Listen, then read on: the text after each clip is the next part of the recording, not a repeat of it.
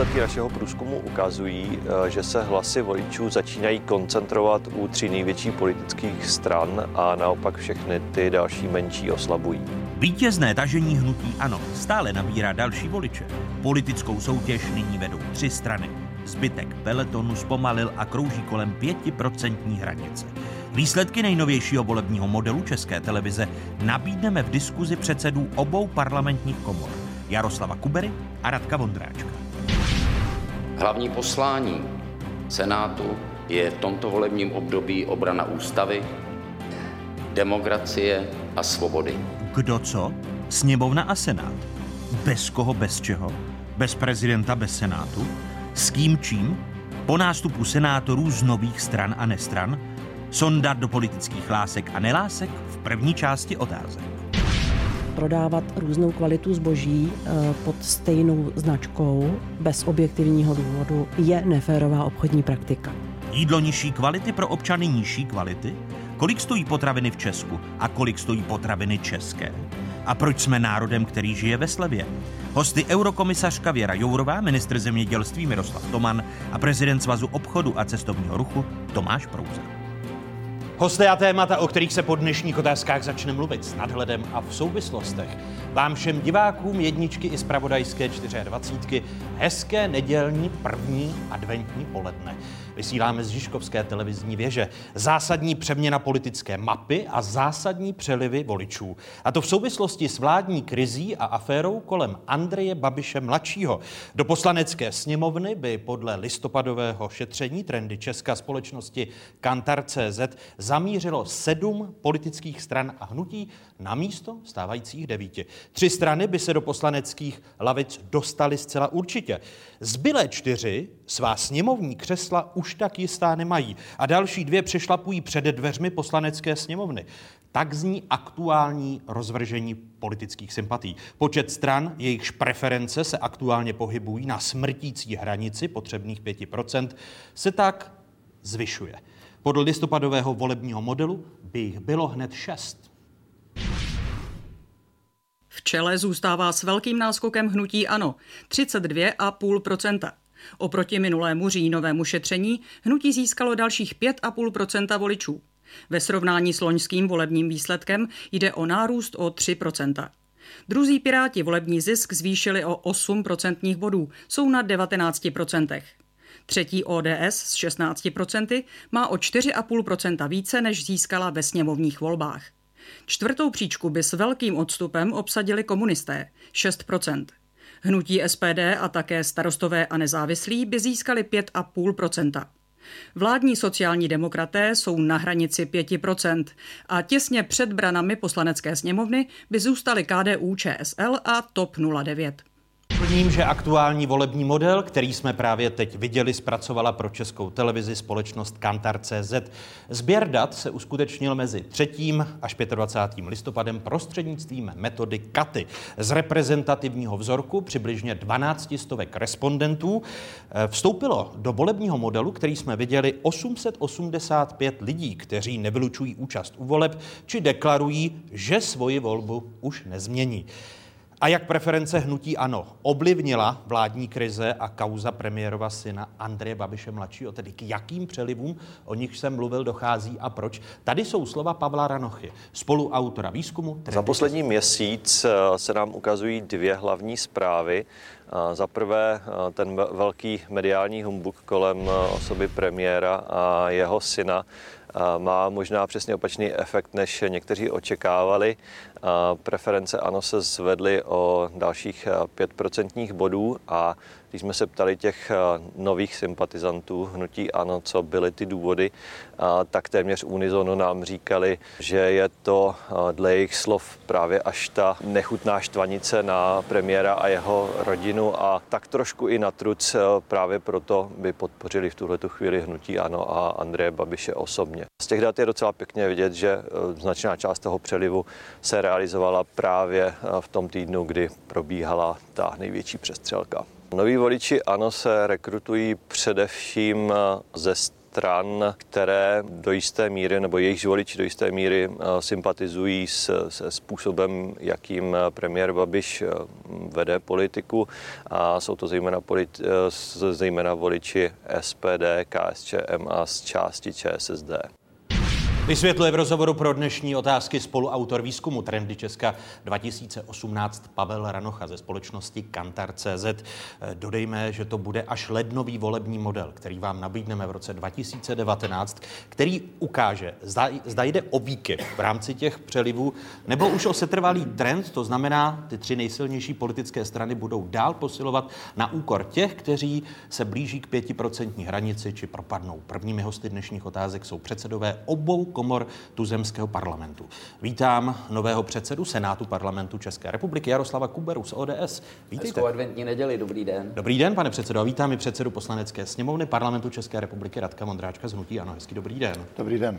Pane předsedo, začnu u vás, protože to byla občanská demokratická strana, která společně s dalšími opozičními stranami vyvolala v poslanecké sněmovně hlasování o nedůvěře vládě. Počítali jste s tím, že Andrej Babiš vyjde posílen a bude to na úkor komunistů SPD a mírně posílí i vaše politická strana? Eh, tak já nevím, jestli to mělo eh, tu, tuto souvislost. Já spíš z toho, jak ten výzkum dopadl, si myslím, že ta souvislost je právě ta, že přílišný útok vyvolává opačnou reakci. To znamená, když se to přežené, eh, ta negativní kampaň proti někomu, tak se veřejnost postaví spíš na jeho stranu, tak to vždycky bývá, že se snažíme chránit toho v tu chvíli slabšího. Neukazuje se ale, že vy jste k tomu útoku přispěli jako občanští demokraté, že vyvolávat hlasování o nedůvěře vládě na základě televizní reportáže bylo přehnanou reakcí?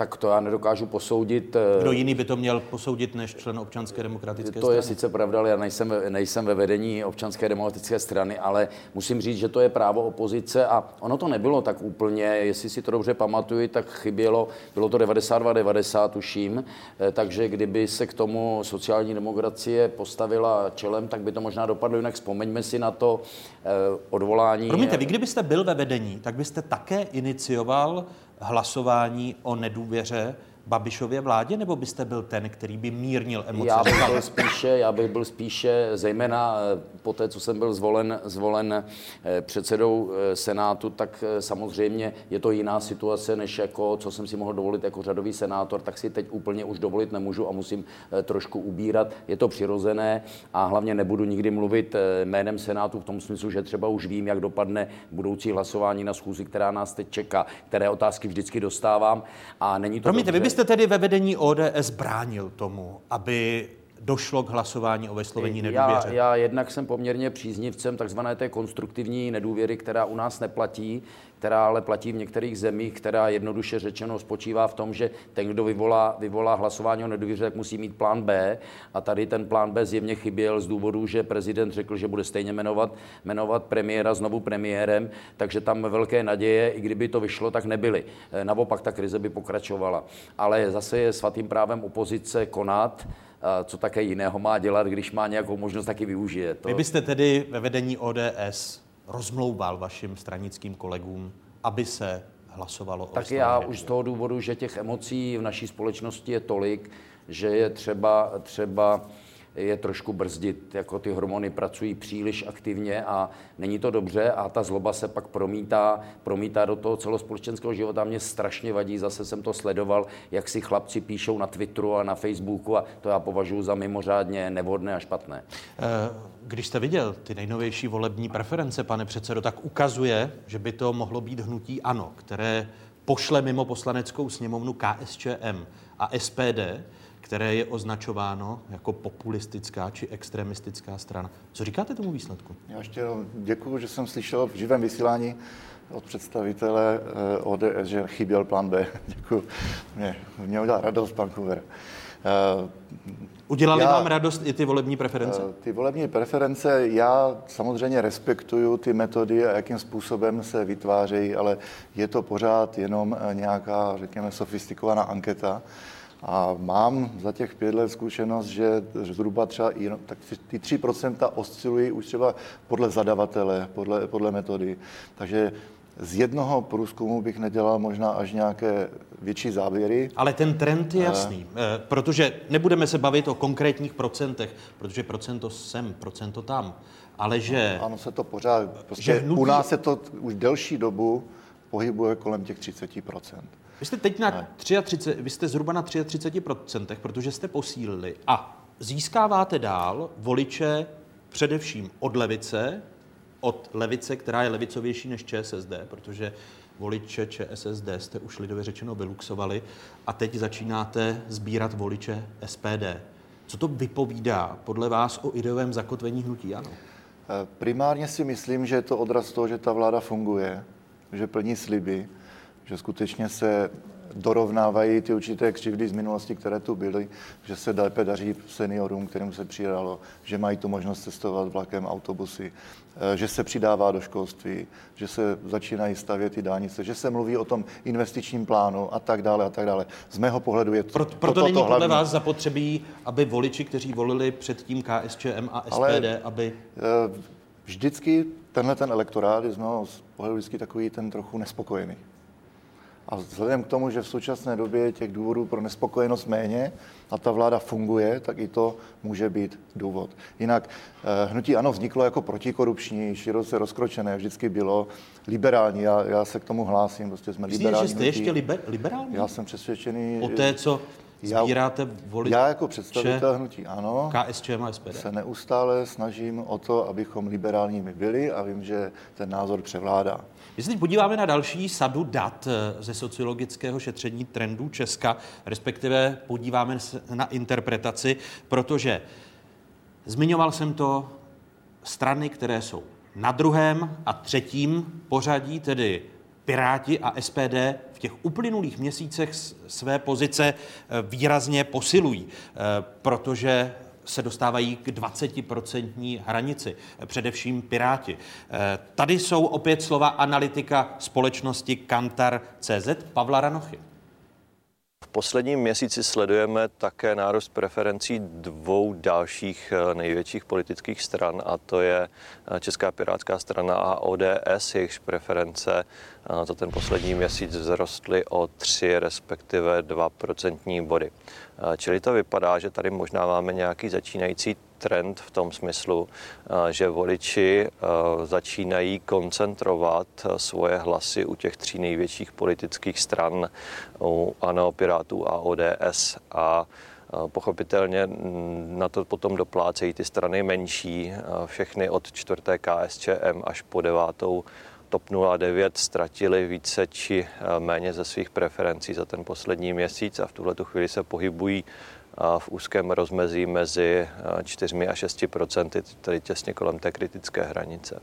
K voličům ODS a Pirátů se kloní eh, zejména lidé, kteří by dříve volili opoziční strany, výjima tedy SPD, tedy KDU, ČSL, TOP 09 a z části starostů.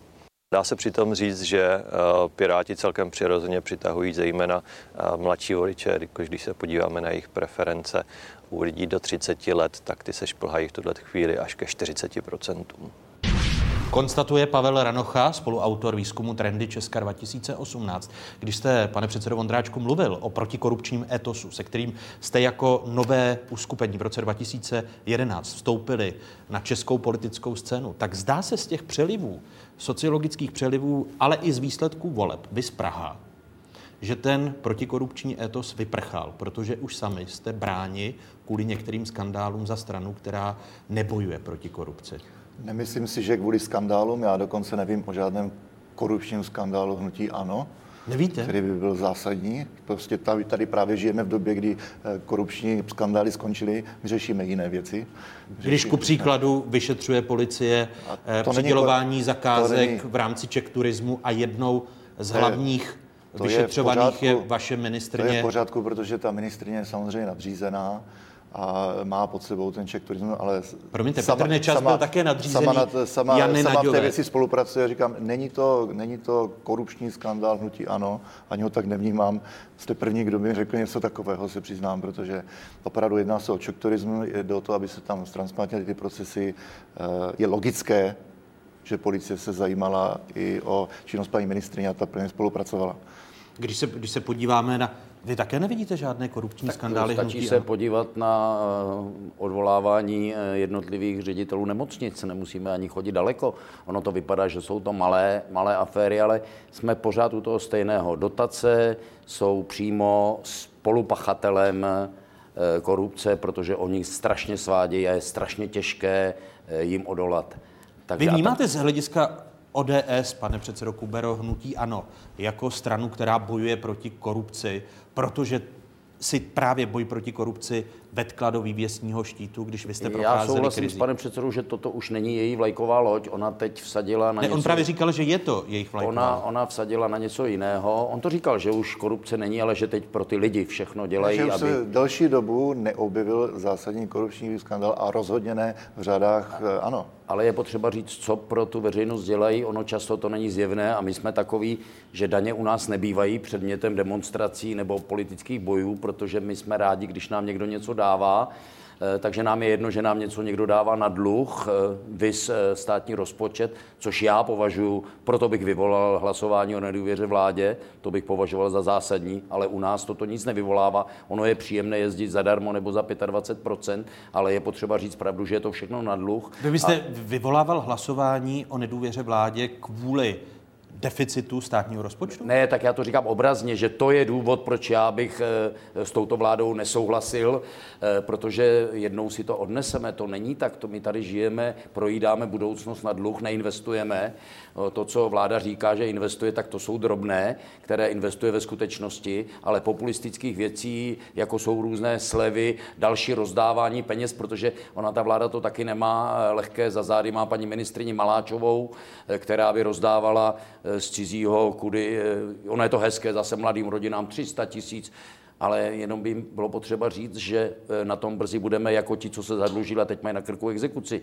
E, stát žádné peníze nemá, stát má jenom peníze, které sebere svým občanům. A ta metoda je jednoduchá. 100 korun seber, 50 vrať a oni ti ještě budou děkovat a budou tě volit. Já se ještě vrátím k té důvěře. Ono je to vždycky takové krásné. Tam je třeba výjde někde, že 40% lidí nedůvěřuje někomu. To tedy znamená, že 60% lidí mu důvěřuje. Ono se to vždycky dá interpretovat tak, jak se to hodí. Takže já ještě ten výzkum výzkum si myslím, že je velmi předčasný, protože pokud nebudou předčasné volby a nevypadá to, to se asi shodneme, že to nevypadá, že by byly eh, společně s volbami do Evropského parlamentu, tak je ještě k volbám daleko a těch výzkumů do té doby bude ještě hodně. A Bavíme ode... se, pane předsedo, o trendech. Bavíme se právě o tom, jak posilují eh, ty tři nejsilnější politické strany na úkor roztříštěné eh, politické situace, To je pravda, ale vidíme často se pak stane, sněmu. že přijde černá labuť podle Taleba, něco se odehraje, co jsme nečekali a to se odehrává prakticky každý den, nějaká světová krize nebo něco jiného, nebo nějaká vnitřní krize a najednou pak ty průzkumy budou v podstatě bezcené, protože to bude dopadat úplně jinak. Nicméně pravda je, to máte pravdu, že ty trendy tady jsou.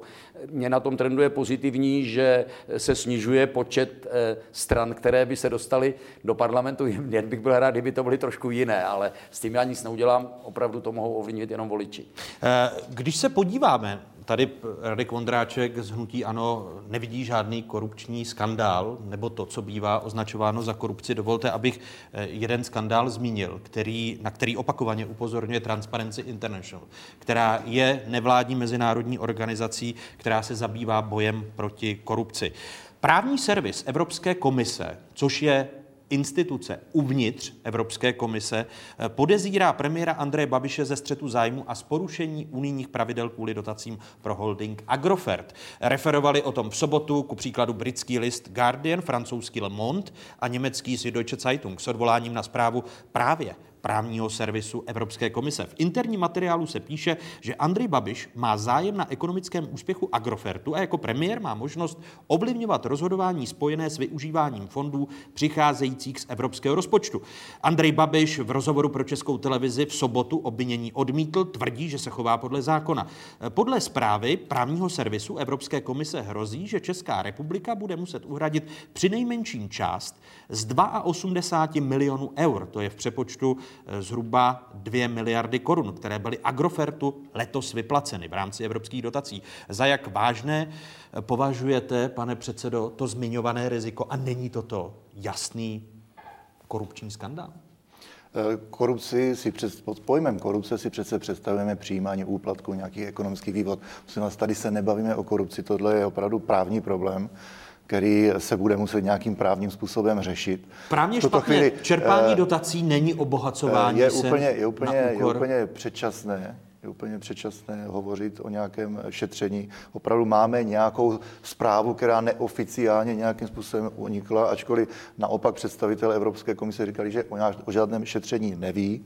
Eh, Pirátská strana už se jednou obracela do Bruselu. Počkejte, je to, Nepochlubili je se to, tím, že už dostali od člena Evropské komise odpověď to, od pana Etigra, že je to záležitostí národních, eh, národních orgánů. Tady je podstatná, ale, ale tady je podstatná promiňte, jedna ale to věc. říká i právní že, servis Evro, promiňte, to říká prav, i právní já, servis, vy, vy nepovažujete tu zprávu právního servisu za zásadní pro Českou republiku? Tady je několik, protože... to je jenom jedno z právních stanovisek a ta debata nás čeká a to je, vše, to je přece v pořádku. Ale Andrej Babiš udělal vše, co mu zákony této země vůbec umožňují a co mohl udělat. Svěřenské fondy máme ve svém právním řádu od roku 2014, vychází z anglosaských tradic. A je to prostě vyvede, vyvede, jaksi účelové Združení majetku, kde teda je v postavení obmyšleného, abych, abych držel tu retoriku, ale byla to jediná legální možnost, jakou se mohl zachyt, zachovat. Já, promiňte, už, já ale, už v době, když se ale, řešil ale Lex Babiš, rámci, promiňte, tak jsem upozorňoval, svě... prosím vás, zase chybí plán B. V rámci svěřenského servisu, já bych vám co vysvětlil. Promiňte, v rámci svěřenských fondů by neměli, alespoň na základě stanoviska právního servisu Evropské komise by neměli rodinní příslušníci ten svěřenský fond ovládat, respektive ta osoba, která do svěřenského fondu, v našem Svěřen, případě premiér. A taky ho neovládá. Přes rodinné to, příslušníky. Že by, tam, to, že, by, že, je, že by mohl mít nějaký přesto z něj ekonomický prospěch.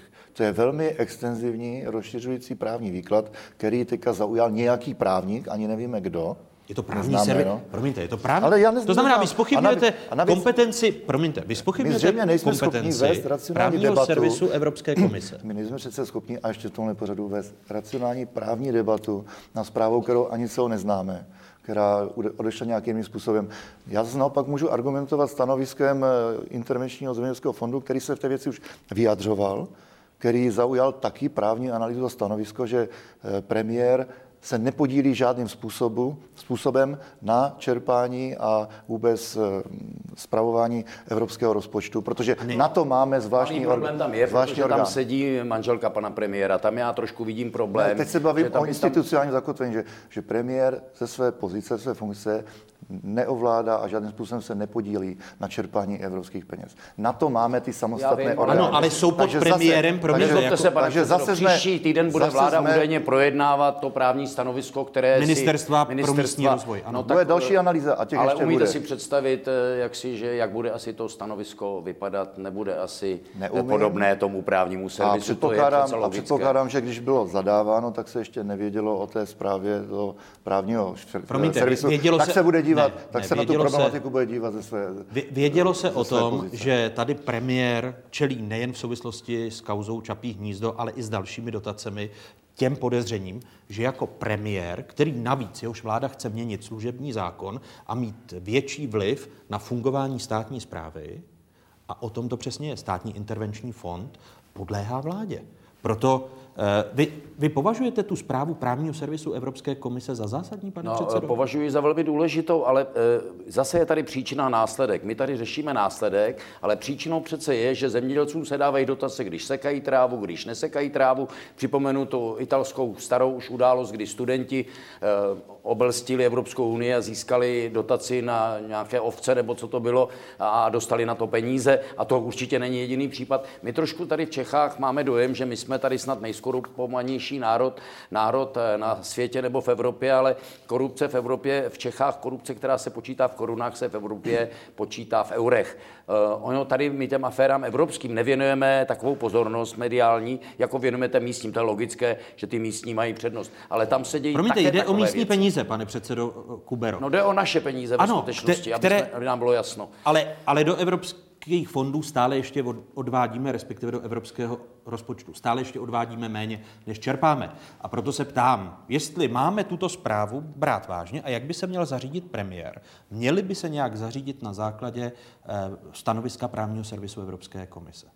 Tak to, to zase, to má pravdu pan předseda, že ještě nejsme na konci toho. Ještě žádné nejsme ještě na konci toho, nejsme ještě na konci té cesty ale určitě, ono jsem taky četl, že by nikdo neměl jít do politiky, do podniká. Já jsem eh, tak k tomu přistupoval, protože si také myslím, že to jde obtížně, obtížně dohromady, protože ono je to velmi lákavé.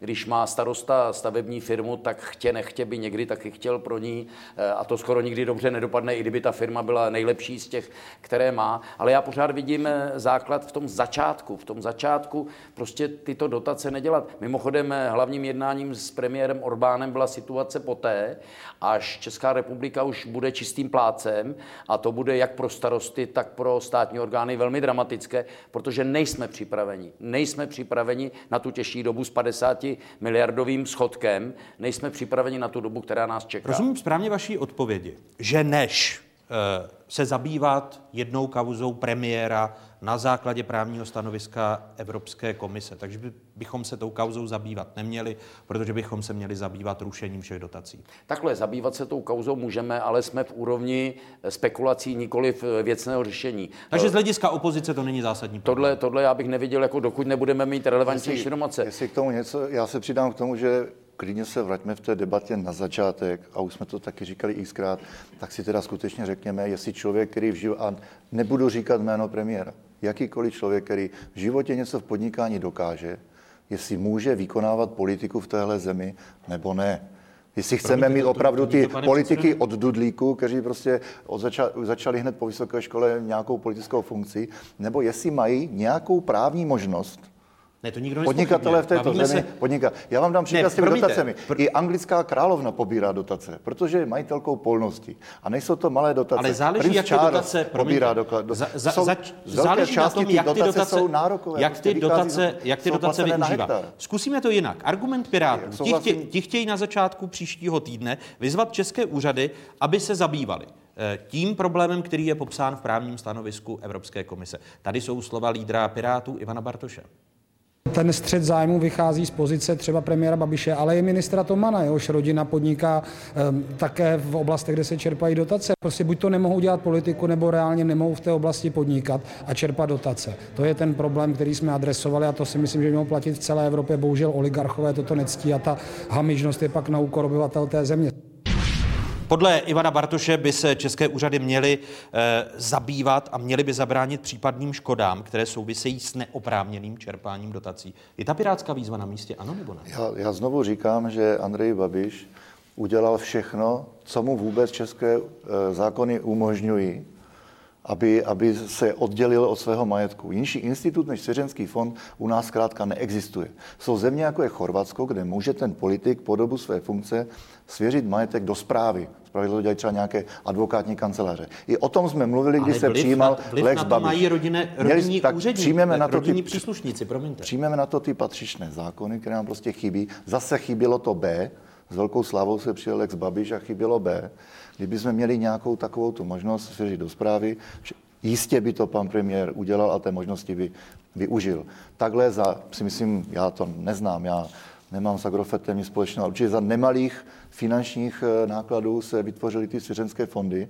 To byla určitě právně drahá operace, něco takového udělat a pan premiér to udělal. V tuto chvíli splnil všechno, co splnit mohl a, a jestliže ta, znovu, znovu a jestliže ta, vy, vy, ta zpráva předsedo, vy se odkazuje na, tu, ne, vy, na to nové vy, nařízení, vy, na článek 61. Ne, vy, vy neodpovídáte a na tu otázku. I tam, I tam je napsané, že je to věc národních institucí. A, ano, ale... A my se k tomu musíme vyjádřit. Ale premiér z pozice uh, premiéra jako nejvyššího uh, člověka v exekutivě má vliv na státní zprávu. Jaký, Proto tady pan předseda... No a řekni, pojďme se teda bavit v té debatě, tak mi řekněte jeden Takže když státní konkrétní, země... řekněte mi jeden konkrétní eh, vlivový moment toho premiéra na ten Takže když státní, ten státní zemědělský intervenční, když ten, intervenční ten, fond, promiňte, ten můžu, vám... můžu domluvit tu otázku, když já mi taky rád mluvím. Ne, ale, ale, ale vy, vy, vy, jste, vy, jste, vy jste se mě ptal, řekněte když mi jeden... ten advent, tak jeden, jeden promiňte, vy jste, vy jste řekl, řekněte mi jeden konkrétní příklad a pak mi ho neumožníte říct.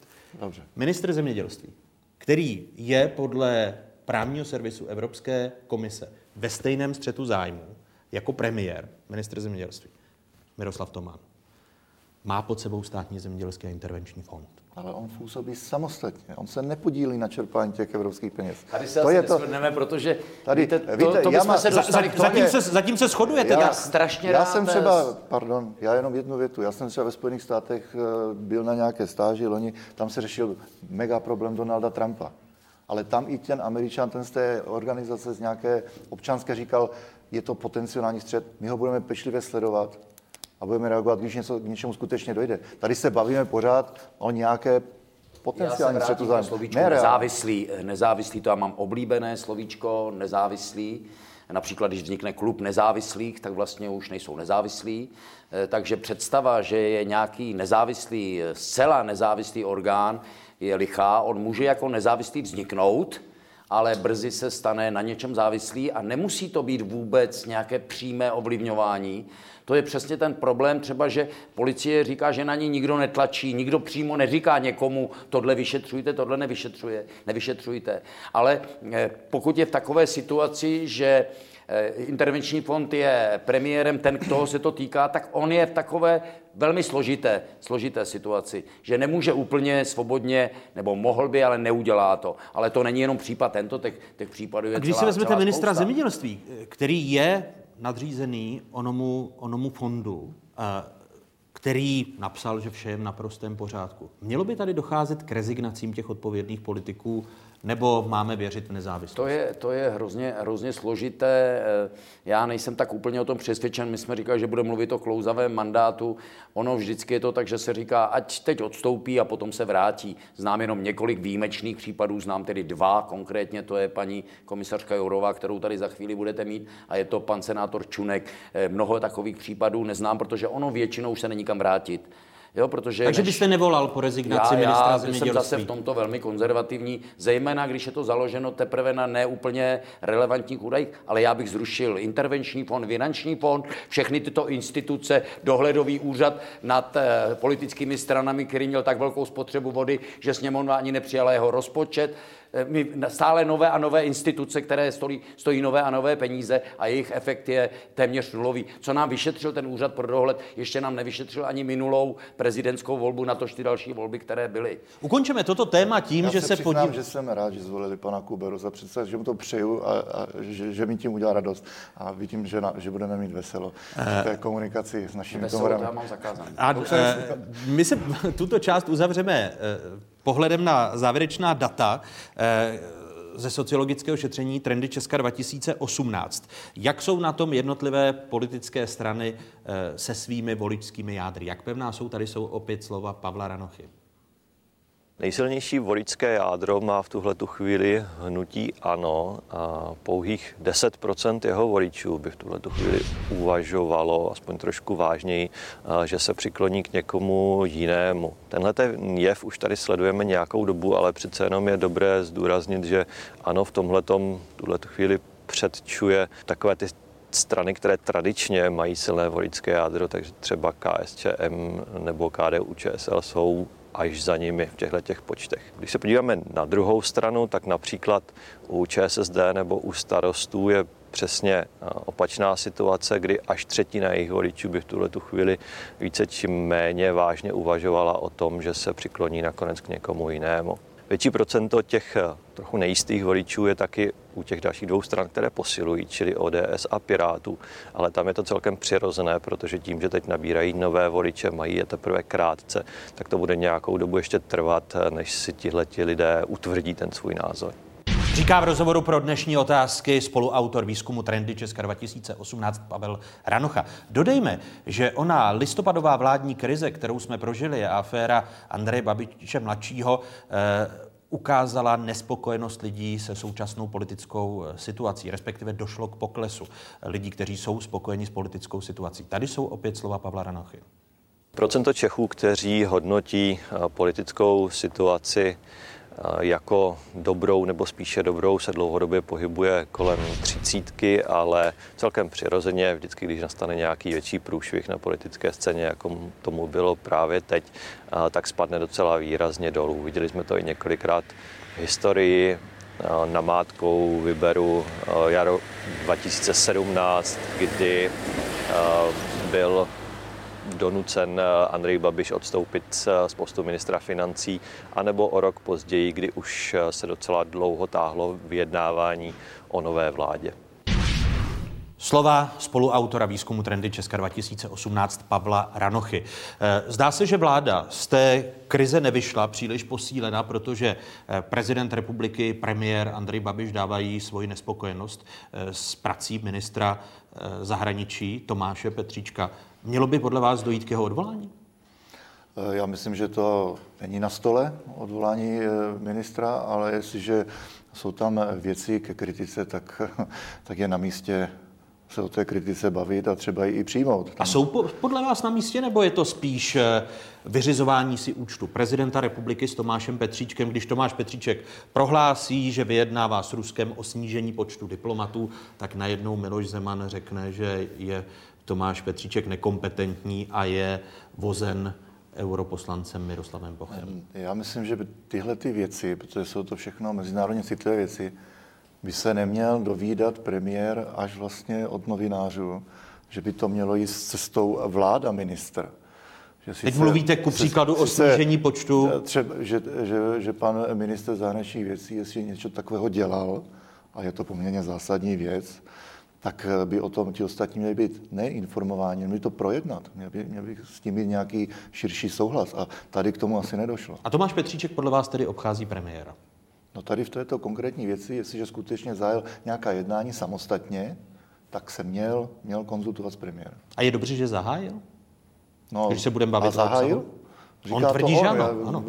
Ambasáda pak řekla, že o ničem takovém neví. Tak. A vy věříte spíše ruské ambasádě než ministru ne, já, zahraničí České republiky? Ne, já opravdu nevím, jestli zahájil. Prostě to, já, mám, já mám dostupná data, že jedna strana říká ano, zahájila, druhá říká, že ne. A pokud byste si no. na základě těchto... Tak bude prohláš... dobré, když si to proberou s premiérem. A, vy, a tak by to měl dělat pořád spíše, ten minister Odpovězte mi prosím na otázku. Věříte no. spíše stanovisku ruské ambasády nebo českého ministra zahraničí? Uh, já si myslím, že to není otázka víry. Je možná, že tam pan minister poslal nějaký dopis.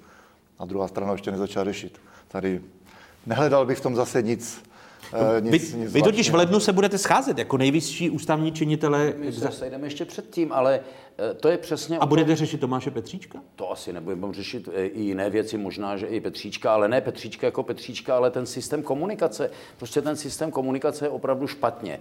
Eh, ale to je tak, že vlastně premiér má jiný názor v zahraniční politice než minister zahraniční a tam by měla být koordinace. Samozřejmě v koaliční vládě je to trošku problém, že sociální demokracie okamžitě řekla, že jak si stojí na straně pana ministra Petříčka.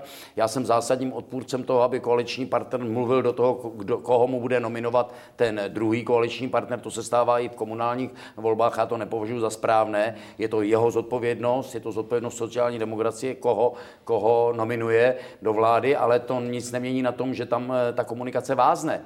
Eh, je, je, to, je to tedy chyba Tomáše Petříčka, když se podíváte na to, že sociální demokraté museli ustoupit od své nominace, protože si hlavu postavil prezident republiky? No, tam je otázka, jestli tam si zrovna nepostavil správně, ale to není asi na, tady to nejsme tak schopni. Promiňte, pane předsedo, tak jaký princip? Už tomu vůbec nerozumím. Vy na straně jedné řeknete, neměl by do toho nikdo mluvit, pak řeknete, tady je to správně, tak platí principy nebo platí účelovost? No, platí principy, to znáte, platí principy, jak kdy přece. Jsou výjimky, které potvrzují tak Přesně tak. Takže po vás principiální to určitě to podstatné slova je komunikace. Komunikace proto, já jsem v tom eh, svém projevu, když jsem byl zvolen, říkal, že prostě není možné, abych eh, nekomunikoval s premiérem, přestože si myslím, že se republika nedá řídit jako firma, tam o toho neustoupím. Stejně tak eh, musím komunikovat s prezidentem, přestože si myslím, a nebudu říkat dopředu, co si myslím, to řeknu jemu. Já jsem proto si tyhle věci řešit mezi sebou a ne přes, nedej bože, Twitter nebo ještě horší Facebook. Mě to uráží, protože nám se úplně mizí ta komunikace z očí do očí a z toho potom vznikají tyto problémy, že v médiích se někdo dozvěděl, že premiér nevěděl, že Petříček něco vyjednává, to si přece mají říct oni ve vládě a teprve potom vypustit nějaké stanovisko. A to pak neustále je, ta nálada v té společnosti se zhoršuje a zhoršuje. Je na místě teď volání po odvolání Tomáše Petříčka když před třemi měsíci, zhruba před třemi měsíci nastoupil na ministerstvo? Já po ničem nevolám, protože já s touto vládou nesouhlasím, tak eh, mě by mohlo vyhovovat, když má nějaké problémy, ale oni pak ty problémy se přesouvají vlastně do celé společnosti a to už mi potom vadí. Potom volá prezident republiky. Říká, že Tomáš Petříček je loutkou, proto se vás ptám, jestli je nekompetentní Tomáš Petříček a měl by v rámci zahraniční politiky, její čitelnosti a, a, a cetera, a cetera. Ale to jsme přece u toho, já si to přesně pamatuju, když pan prezident říkal, že e, Pocho v žádném případě, ale Petříček mu nevadí a že bude jmenovat, když mu ho premiér navrhne. Ale co se mezi tím změnilo nebo změnilo, to já se dozvím eh, u prezidenta, ale nebudu mu to teď vzkazovat nebo říkat to, o čem, o čem budeme do detailu mluvit. Já prostě tento způsob nemám rád. Já to, co si myslím, řeknu jemu, od něj zase rád vyslechnu to, co si o věci myslí on. Myslíte, ale... že se to změnilo i v souvislosti s tím, že eh, Tomáš Petříček oznámil, že vyjednává s ruskou ambasádou v Praze, aby došlo k výraznému snížení počtu personálu na ruské ambasádě? To já nevím, jestli to byl bezprostřední. Ono samozřejmě ministerstvo zahraničí má ty aktivity, eh, zejména s tím, co se teď stalo, stalo v Azovském moři s tím kerčským problémem, eh, takže tam těch věcí je samozřejmě celá řada. Tohle si nemyslím, že je ten klíčový, kolik aut má nějaká ambasáda. Eh, to, že ruská ambasáda tady má počet diplomatů, který je neobvyklý, je větší, než je v kraji zvykem, to je pravda pravda. Kolik z nich jsou agenti, se my nedozvíme, ale dělají to samozřejmě všechny ambasády eh, ve větší či menší míře. Ale jestli to je o tom, kolik má ambasáda aut nebo nemá, to nevím, jestli to je to nejdůležitější Mělo by podle vás dojít ke snížení počtu uh, lidí na ruském Eh, velvyslanectví v České republice? Já nevím, já nevím ani, jak toho dosáhnu. Já nejsem, nejsem eh, diplomat, eh, abych věděl, jaké jsou diplomatické zvyky, jestli jsou tam nějaké limity na to, kolik která strana může mít. Zase víte co, když snížíte počet diplomatů hodně, tak potom nemáte moc možností je vyhostovat, když se stane nějaká mezinárodní aféra. Že jsme jich opravdu ty desítky v uplynulých 20 Právě. letech vyhostili. Pane předsedo, no, ale, vy, vy jste, vy jste žertéř, i když se tváříte není vážně. to tak dávno, co jsme tři vyhostili a samozřejmě následovalo reciproční opatření. A víte, tam už to je velká země, mě jde spíš o tu naši ambasádu v Rusku. Tam by si zasloužili personálně Při posílit. z Ruska no. je jiný Je to nebolí, ale při vyhoštění od nás. Nás to, to bolelo víc. No. Takže bychom se tím neměli trápit. Pro vás jako nejvyšší ústavní činitele ne. to není téma eh, k zásadnímu řešení. Takhle, Počet zdůraznit, že Rusů na, na naší ambasádě. že to je diplomatické téma. A prostě to je, a ty, je to, to věc citlivá. Promiňte, je to a, i zahraničně politické věcí, téma. Je to i zahraničně politické věcí, téma vás dvou jako nejvyšší by, ústavních by tyhle věci měl konzultovat. Ale, ale proto já jsem eh, velmi spokojen s tím, že snad eh, to setkání ústavních činitelů, ono to není jenom zahraniční politika, ale i vztah ústavních eh, činitelů mezi sebou nebo těch institucí mezi sebou a to já považuji za mimořádně důležité. Podpoříte pokračování sankcí. O nich se teď bude v tomto měsíci rozhodovat, pokud se ještě sejdete v prosinci jako nejvyšší ústavní činitel k zahraniční politice e, proti ruských sankcí ano, i s ano. ohledem na to, co se teď děje mezi Ukrajinou Já to a... určitě podpořím e, i v souvislosti s tím, že v podstatě my bohužel nemáme žádnou jinou možnost, jak dát najevo nespokojenost e, s konáním ruské strany, e, protože víme, že si pro Krym dojít nemůžeme vojensky, zejména s ohledem na to, v jakém stavu je naše armáda. A mě docela potěšilo, když jsme u toho, že ta skupina poradců prezidenta byla pro, aby jsme zvýšili, zvýšili výdaje na obranu na ta přislíbená 2%. Tam mě pan prezident velmi příjemně, příjemně překvapil. Eh, takže určitě ty konzultace jsou důležité. A, a to, nejnovější, sankce... to nejnovější dění eh, kolem ruského postupu Vidíme eh, vůči Ukrajině je k tomu, aby došlo k přitvrzení těch protiruských sankcí, nebo ne? Tam bych to tak úplně nespojil, protože tam jsme zase v takové situaci, že ono to není úplně jasné. Obě strany mají jisté zájmy. Eh, pan prezident Putin ví, že eh, důchodová Dobře. reforma v Česká republika je pro popularitu prezidenta velmi negativní, samozřejmě, a o Petru Porošenkovi ani nemluví, protože ten má před sebou volby a ty prognózy, které my tady taky sledujeme, nevypadají úplně nejlépe. Takže oni tam mají oba, oba nějaké zájmy, které možná nesouvisí s tím, ale zase ta spekulace o tom, jak tam ty ukrajinské lodě jeli vyhodit do povětří ten most, ty mě připadají poněkud už přehnané. Sankce tedy od 1. ledna prodloužit, prodloužit určitě, určitě, ale nespřísňovat. Nespřísňovat. Stanovisko Radka Mondráčka? Ty příčiny, proč sankce vznikly, ty trvají. Takže není důvod pro zrušení sankcí.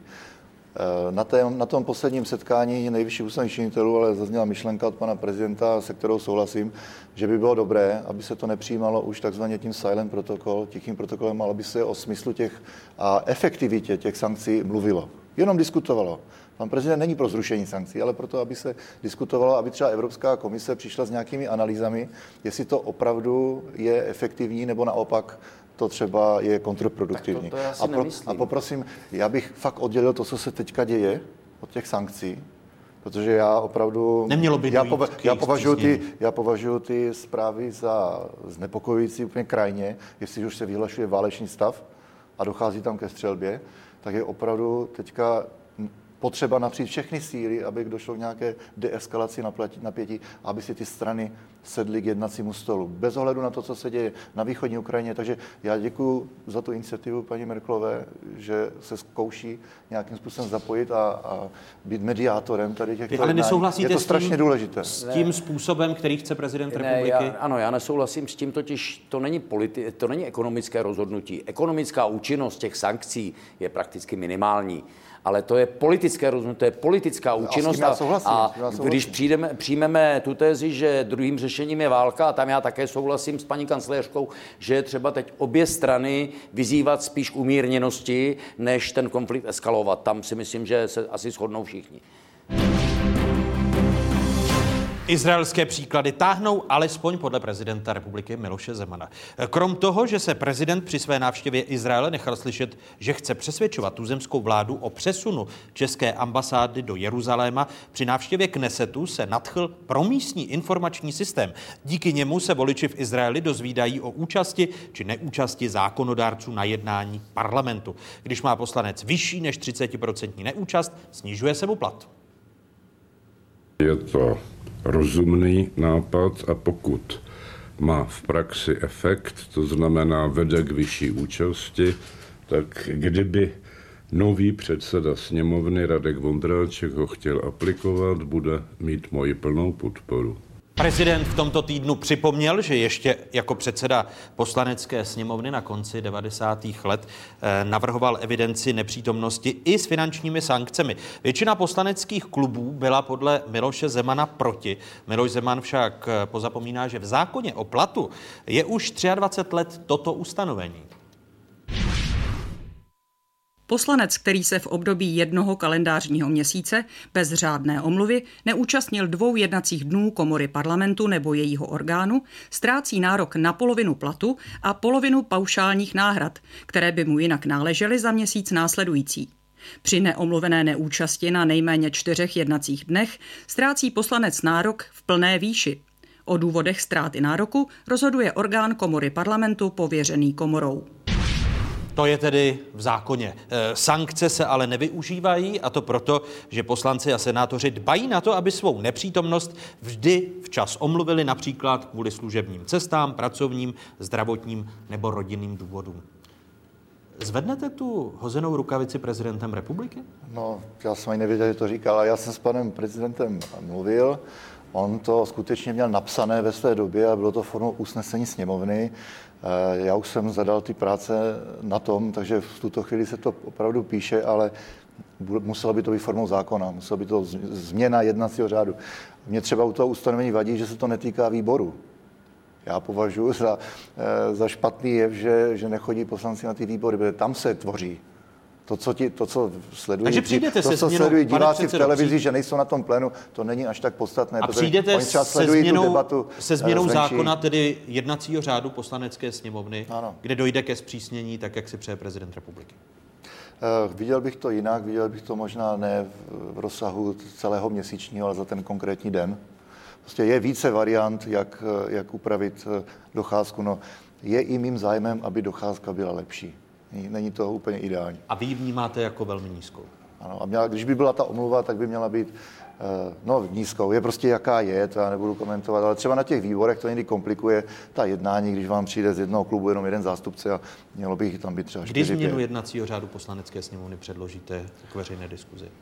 My máme připravenou už jednu novelu, ta, ta teďka vysí na tom, jestli teda se ke mně někdo připojí, nebo jestli podám sám, ale já jsem zřídil jednací nebo jednací pracovní skupinu týkající se jednacího řádu. My máme v tuto chvíli kompletní text, který, řekněme, je kompromisem, protože já jsem každému klubu dal právo veto. Když tam se vám něco nebude líbit, tak to tam prostě nedáme. Takže je to taková, řekněme, velmi umírněná novela. A do ní- a do ní vy ale předpokládám, že v rámci debaty potom budou pozměňovací návrhy a tam už se A vy tam tam přijdete už s návrhem, že by se krátil. demokraticky většina A při hlasování. Vy přijdete s návrhem, že by se krátil denní plat poslance, pokud se neúčastní Pokud se neúčastní bez řádné omluvy a to omluvy by měla opravdu vyplývat, by měla souviset s prací třeba sněmovny, když je někdo na zahraniční cestě, tak samozřejmě, když je někdo minister a je prokazatelně na zahraniční cestě. A rodinné důvody? Tady je Žižkovská věž, jo?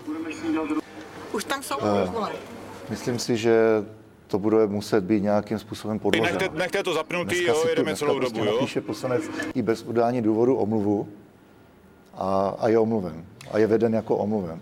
Je dobře, že prezident republiky toto téma zvedá a že se tak inspiruje to jsou oblíbená platy poslanců. No, platy jsou něco jiného, tam, tam, tam jsem zdrženlivý, ale, ale tohle... moc prosil, a to je v médiích dlouho a nedaří se nám to vyvrátit. Eh, média hodnotí sněmovnu senát podle účasti na hlasování. Jo. Ještě to je naprosto špatný. Ono je to jednoduché, protože média si nemůžou skoro nic jiného najít. Neúčast na hlasování může mít politické důvody. Vy to víte, že se dá dělat obstrukce pomocí vytažení karty, nechání karty, takže účast na hlasování vůbec nevypovídá nic o tom, jak je ten poslanec nebo senátor aktivní. V Senátu kromě výjimek eh, dvou případů ta účast je poměrně dobrá. A já Promiňte, musím... pane předsedo, když tady vstoupím do řeči, vy byste tedy, když se podíváme právě na tu statistiku, statistiku absence senátorů při hlasováních. Tak eh, v tom minulém funkčním období Senátu jsme u senátorů, tak senátor, který chyběl na 100% hlasování, je František Čuba, zlínský senátor, krom jiného zvolený za stranu, eh, která měla v názvu a v současnosti opět má v názvu eh, příjmení Miloše Zemana, respektive Zemanovci. Eh, na skoro 60% hlasování chyběl v minulém funkčním období Senátu senátor Miroslav Antl z ČSSD a bezmála 55% hlasování se neúčastnila senátorka Daniela Filipiová z ODS. V sedmičce největších absentérů při hlasování byli i František Bublan za ČSSD, Tomáš Jirza za ODS nebo Ivo Valenta ze senátorského klubu ODS. A já nevím, o čem tohle vypovídá. Třeba zrovna řeknu příklad senátora Antla, který jako předseda ústavně právního výboru je mimořádně aktivní. Eh, ústavně právní výbor si často bere i zákony, které mu nejsou, nejsou přiděleny organizačním výborem. A eh, já jsem byl v mnoha parlamentech světa a velmi často tam seděli dva poslanci, protože oni už všichni dávno věděli, jak budou hlasovat, aby někde, někde vyjednávali, nebo to prostě není to hlasované kritérium.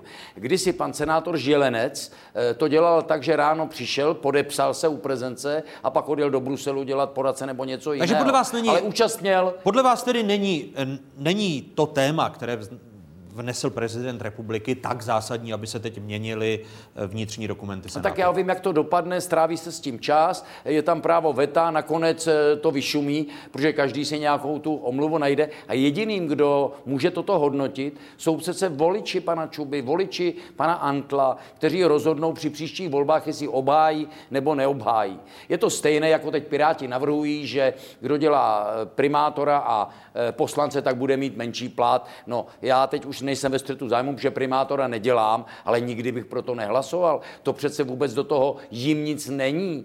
To je věc voličů těch lidí. Jestli oni tam vykonávají doma funkci dobře a tady taky, tak prostě jim to, ale proč by neměli, já neznám nikoho, kdo by chtěl dělat dvě práce a mít za to jeden plat. Znáte je to, někoho takového? Je to, je to jasná odpověď, že podle vás to je pseudotéma, které, pseudotéma, které tak. prezident republiky je nastavil. mediálně zajímavé. Ale abychom, ale, abychom byli spravedliví. jsme bavili ještě dávno před návštěvou Izraele, abych, byl, abych to doplnil. Jako. Abychom byli spravedliví, podíváme se na vaše poslance, pane předsedo Vondráčku. Byť eh, pan předseda Kubera říká, že hlasování na plénu eh, o ničem nevypovídá. Tak nejčastěji při hlasování chyběl, eh, přesně řečeno byl omluven, eh, z jednání či k hlasování nebyl přihlášen premiér Andrej Babiš.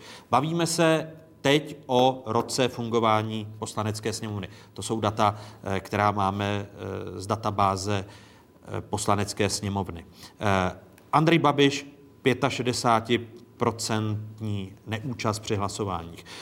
Dodejme, že předsedové vlády se obecně méně zúčastňují, padl tady klouzavý mandát, který chce eh, pan předseda Vondráček eh, a hnutí ANO zavést. Například Bouslav Sobotka v době, kdy byl premiér, Jourovou. nehlasoval eh, v 52% hlasování, to znamená, že Andrej Babiš má ono hlasování vyšší, nebo nehlasování vyšší o 13% bodů. Druhý na pásce nehlasujících je v současnosti Milan Chovanec z ČSSD, který nehlasoval v bezmála 60% hlasování, podobně jako Martin Stropnický, který už je ambasadorem v Izraeli, nebo stále ještě Lubomír Zaorálek, který je v poslanecké sněmovně. Mezi absentéry při hlasování ve sněmovně jsou i Karel Schwarzenberg nebo ministr kultury Antonín Staněk.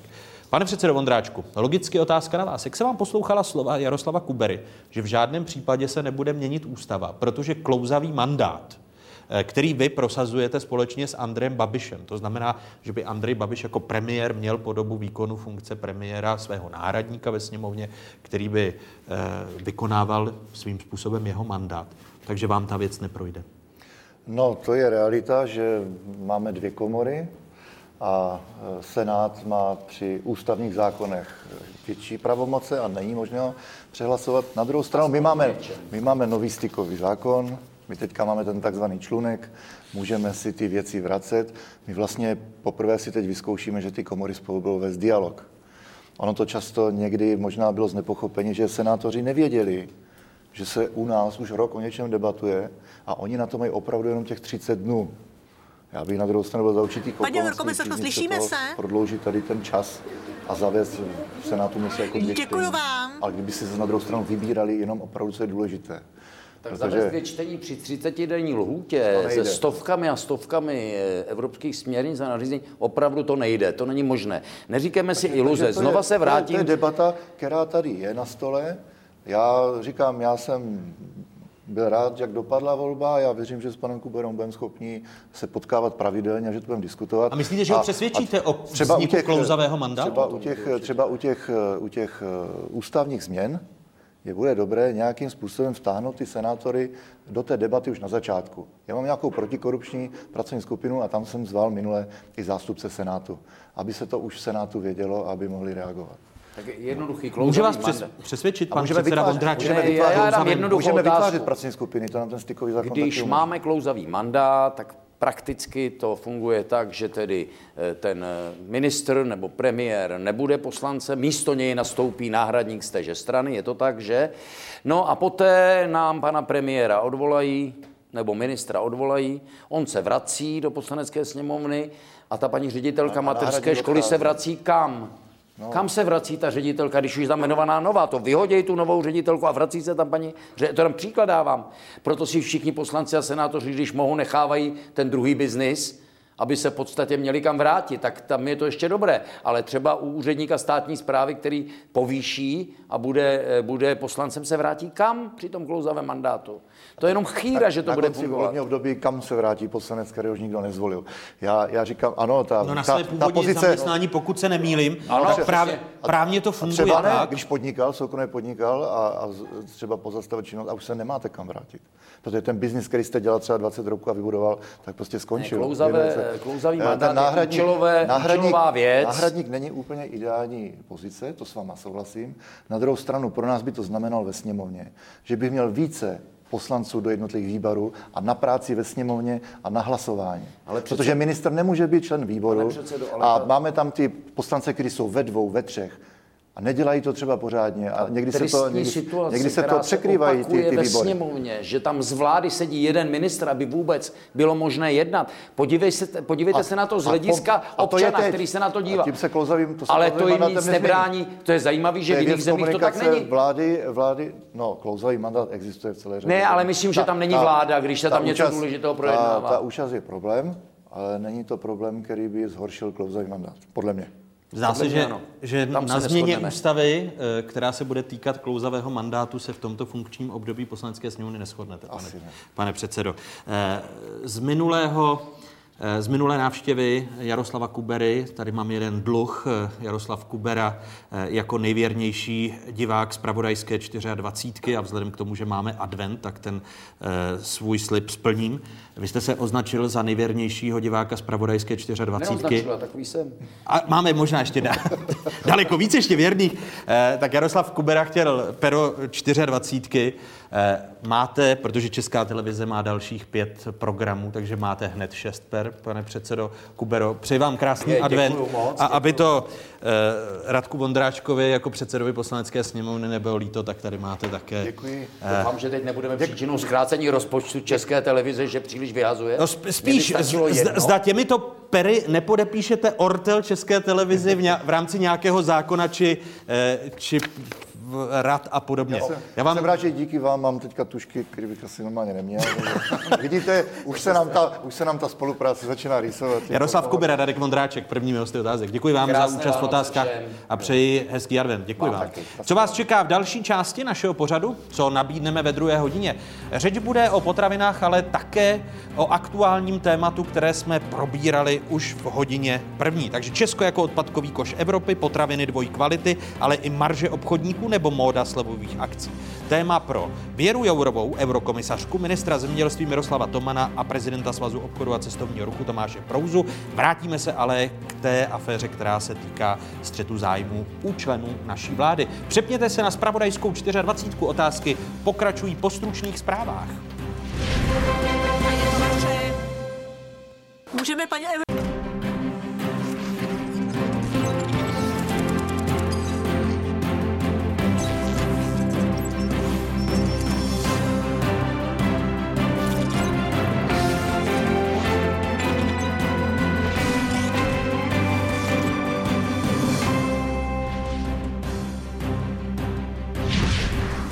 nikdo nerad konzumuje věci jiné, než eh, které jsou vydávány pod tou značkou a které má k dispozici obyvatel jiné země.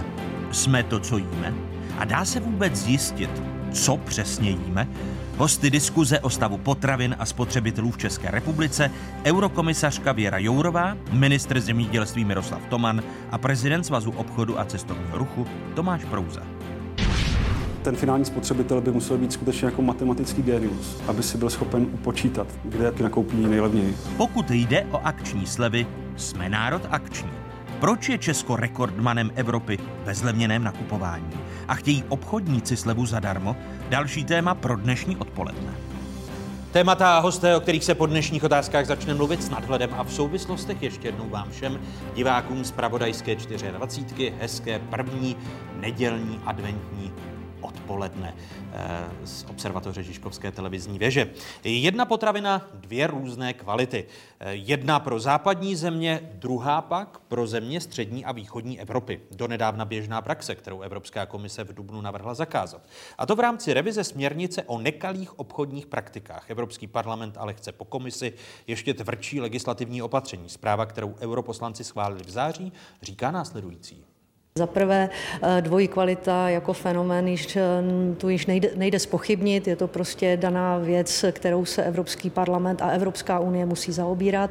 Za druhé, že je to téma pro vnitřní trh, to znamená, že by nemělo být na každém členském státě, aby si dvojí kvalitu řešil sám, ale jsme prostě na evropském vnitřním trhu, proto eh, je to otázka prostě pro celou Evropskou unii. A to třetí významné, co Evropský parlament řekl, je, že chce legislativní řešení a že se přikládá přiklání k tomu tvrdšímu legislativnímu řešení. To znamená, že dvojí kvalitu jako takovou odmítá eh, a říká, že by měla být zakázaná jako taková eh, na černé listině tzv. nekalých obchodních praktik v rámci revize směrnice o nekalých obchodních praktikách, která se právě teď připravuje eh, k revizi.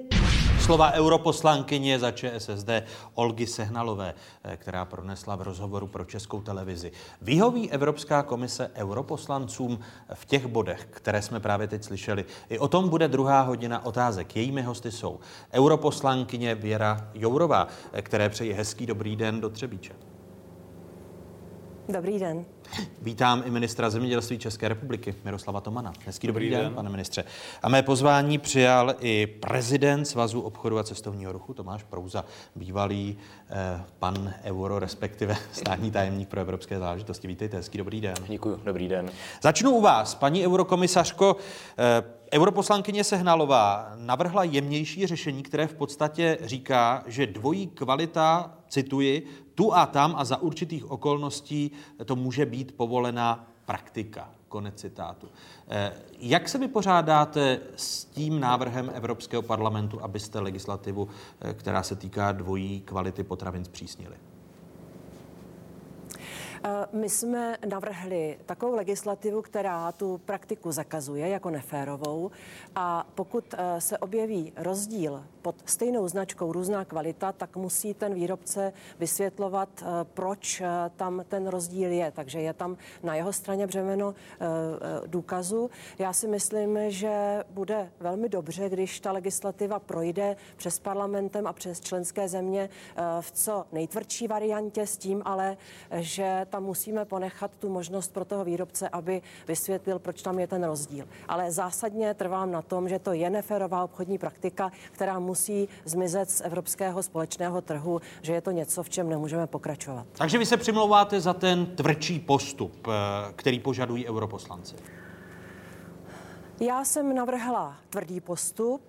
Teď e, máme návrhy z Evropského parlamentu, ale zároveň návrhy od členských zemí, protože to je ten třetí zákonodárce, který do toho má co mluvit. A budeme o tom jednat během ideálně ledna a února. A já budu zastávat tvrdá stanoviska, protože, jak jsem říkala, můj záměr je to dostat z trhu pryč. Když mluvíte o jízdním řádu, projednávání té tvrdší legislativy v Evropském parlamentu, logicky mi tedy odpovíte kladně na otázku, jestli je možné ještě do voleb do Evropského parlamentu, které se konají v květnu příštího roku, prosadit ta tvrdší, přísnější pravidla, jak chtějí europoslanci a za která se i vy přimlouváte?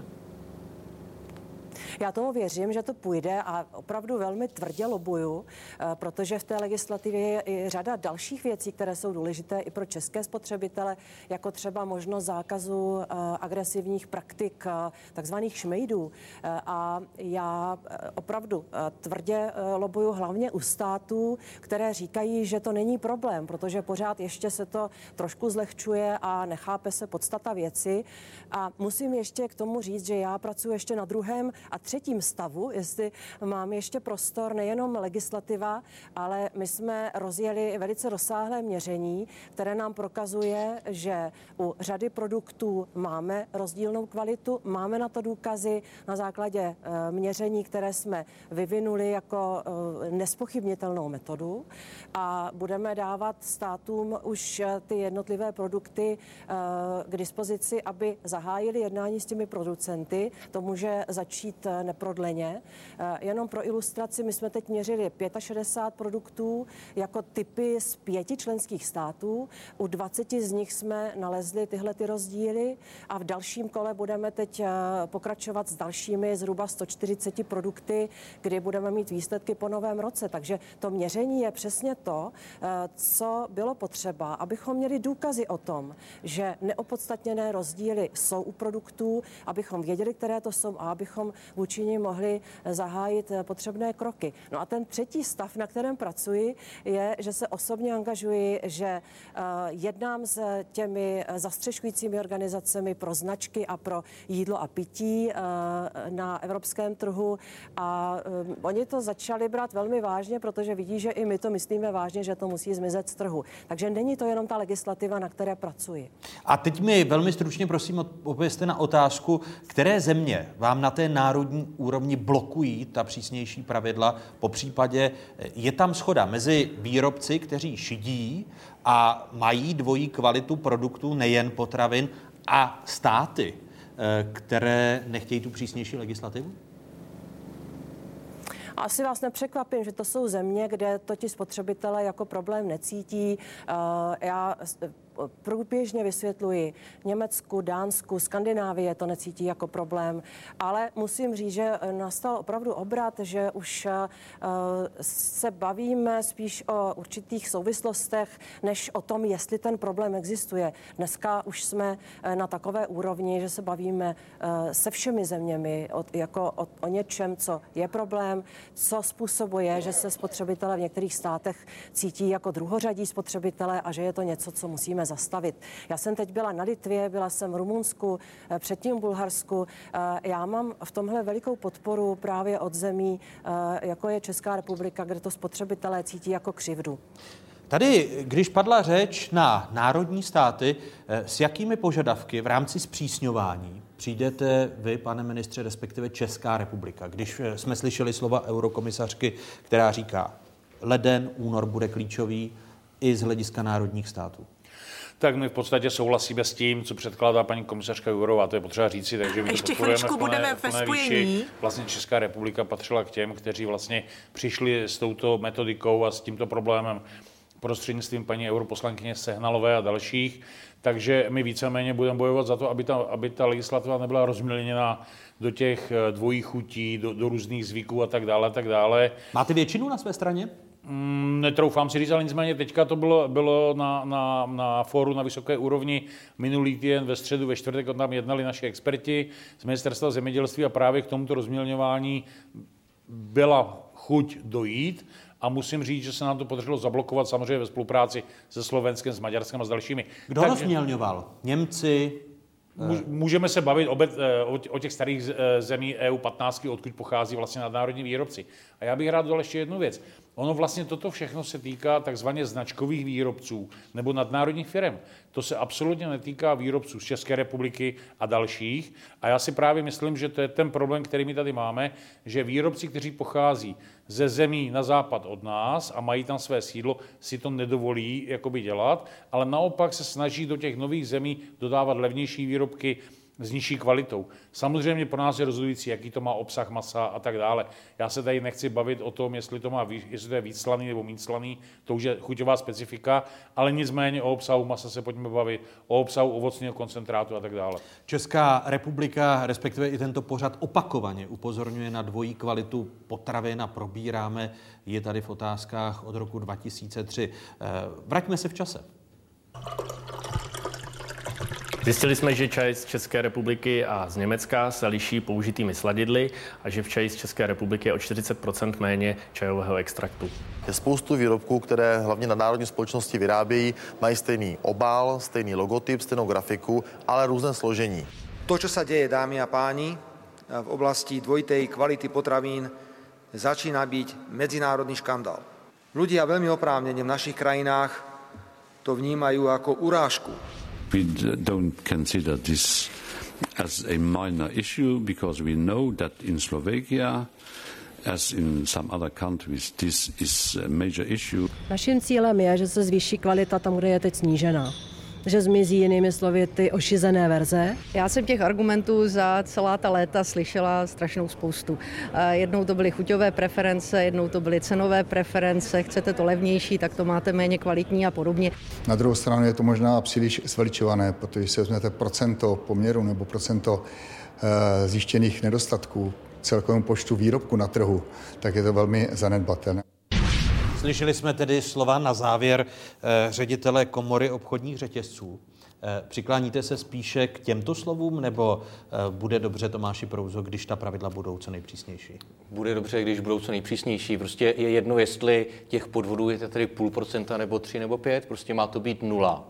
Prostě český spotřebitel má mít nárok, si kupuje zahraniční značku aby si koupil stejně kvalitně, jako když si koupí v Německu nebo ve Francii. A argument no, zanedbatelnosti no. není podle vás argumentem. Ale to je jedno, to prostě i když vás okradou jednou za život, pořád vás okradou. Je jedno, jestli vás okradou jednou nebo desetkrát. Prostě, když si jdu koupit něco, co má stejný obal, stejnou značku, dokonce za to připlácím, protože si kupuju to, čemu věřím, že je kvalita, a místo toho je to prostě podřadná varianta, tak je to prostě špatně a nemá se to dít. Může mít eh, zpřísnění těch pravidel, pokud projdou v lednu či v únoru v Evropském parlamentu dopad do cen? To znamená, že by došlo ke zdražení některých těch produktů v rámci východní Evropy, pane ministře? Ne, absolutně, absolutně si to nemyslím, protože vlastně ty ceny, se podíváte na ty ceny těch výrobků, které se tady dneska prodávají, těch značkových, a porovnáte si to s cenou eh, v zemích na západ od nás, tak já myslím, že absolutně ne. Eh, bude se udržovat pravidla, jak říkal tady pan prezident, s tím se dá souhlasit, nemám k tomu vůbec nic. A já velmi vítám zase na druhou stranu jednu věc, že některé obchodní řetězce se přihlásily k tomu, že nebudou akceptovat dvojí kvalitu, že budou dovážet stejně kvalitní zboží. Takže to já velmi vítám, akceptuji a s cenou by to nemělo vůbec. Ale vy byste jako minister zemědělství mohl nám zákazníkům zaručit, jestli nejde pouze o marketingový tah, eh, což je logicky další otázka. Že oni něco deklarují a naše kontroly by měly ukázat, zda se opravdu tak chovají. Máte už takové informace? No, já jsem o tom mluvil s ředitelem státní zemědělské a potravinářské inspekce. Eh, jsou tam jiné problémy, na které se přicházejí, ale rozhodně nedošlo, že by došlo k porušení toho, že nebudou dbát na dvojí kvalitu těch řetězců, které to prohlásil a že by to nedodrželi dodržovali. Tam já musím říct, že speciálně u těch privátních značek a u dalších, u některých tam to oceňuji, velmi to oceňuji. Tedy už máte výsledky státní zemědělské předběžné a výsledky, předběžné A ukazuje se, že ty řetězce, které se přihlásily, Které to slíbily, takže tak to zatím drží. tam problémy nejsou. Eh, Pane eh, prezidente, dojde ke zdražení eh, těch možných artiklů, které měly jiné složení, protože se také říkalo, lidé na východě chtějí i levnější ty výrobky? Já si myslím, že nedojde. Eh, Jednak je tady to srovnání eh, se západní Evropou, ale to, proč dneska ti západoevropští výrobci tak křičí, je to, že realizují u nás výrazně vyšší marži. O tu přijdou. Ale nemyslím si, že si budou moc dovolit zdražovat. Eh, Otázka pro Věru Jourovou. Eh, Myslíte si, že do cenotvorby bude, bude mít dopad ta přísnější evropská regulace, po které volají europoslanci a o níž se znovu bude hlasovat v lednu či v únoru?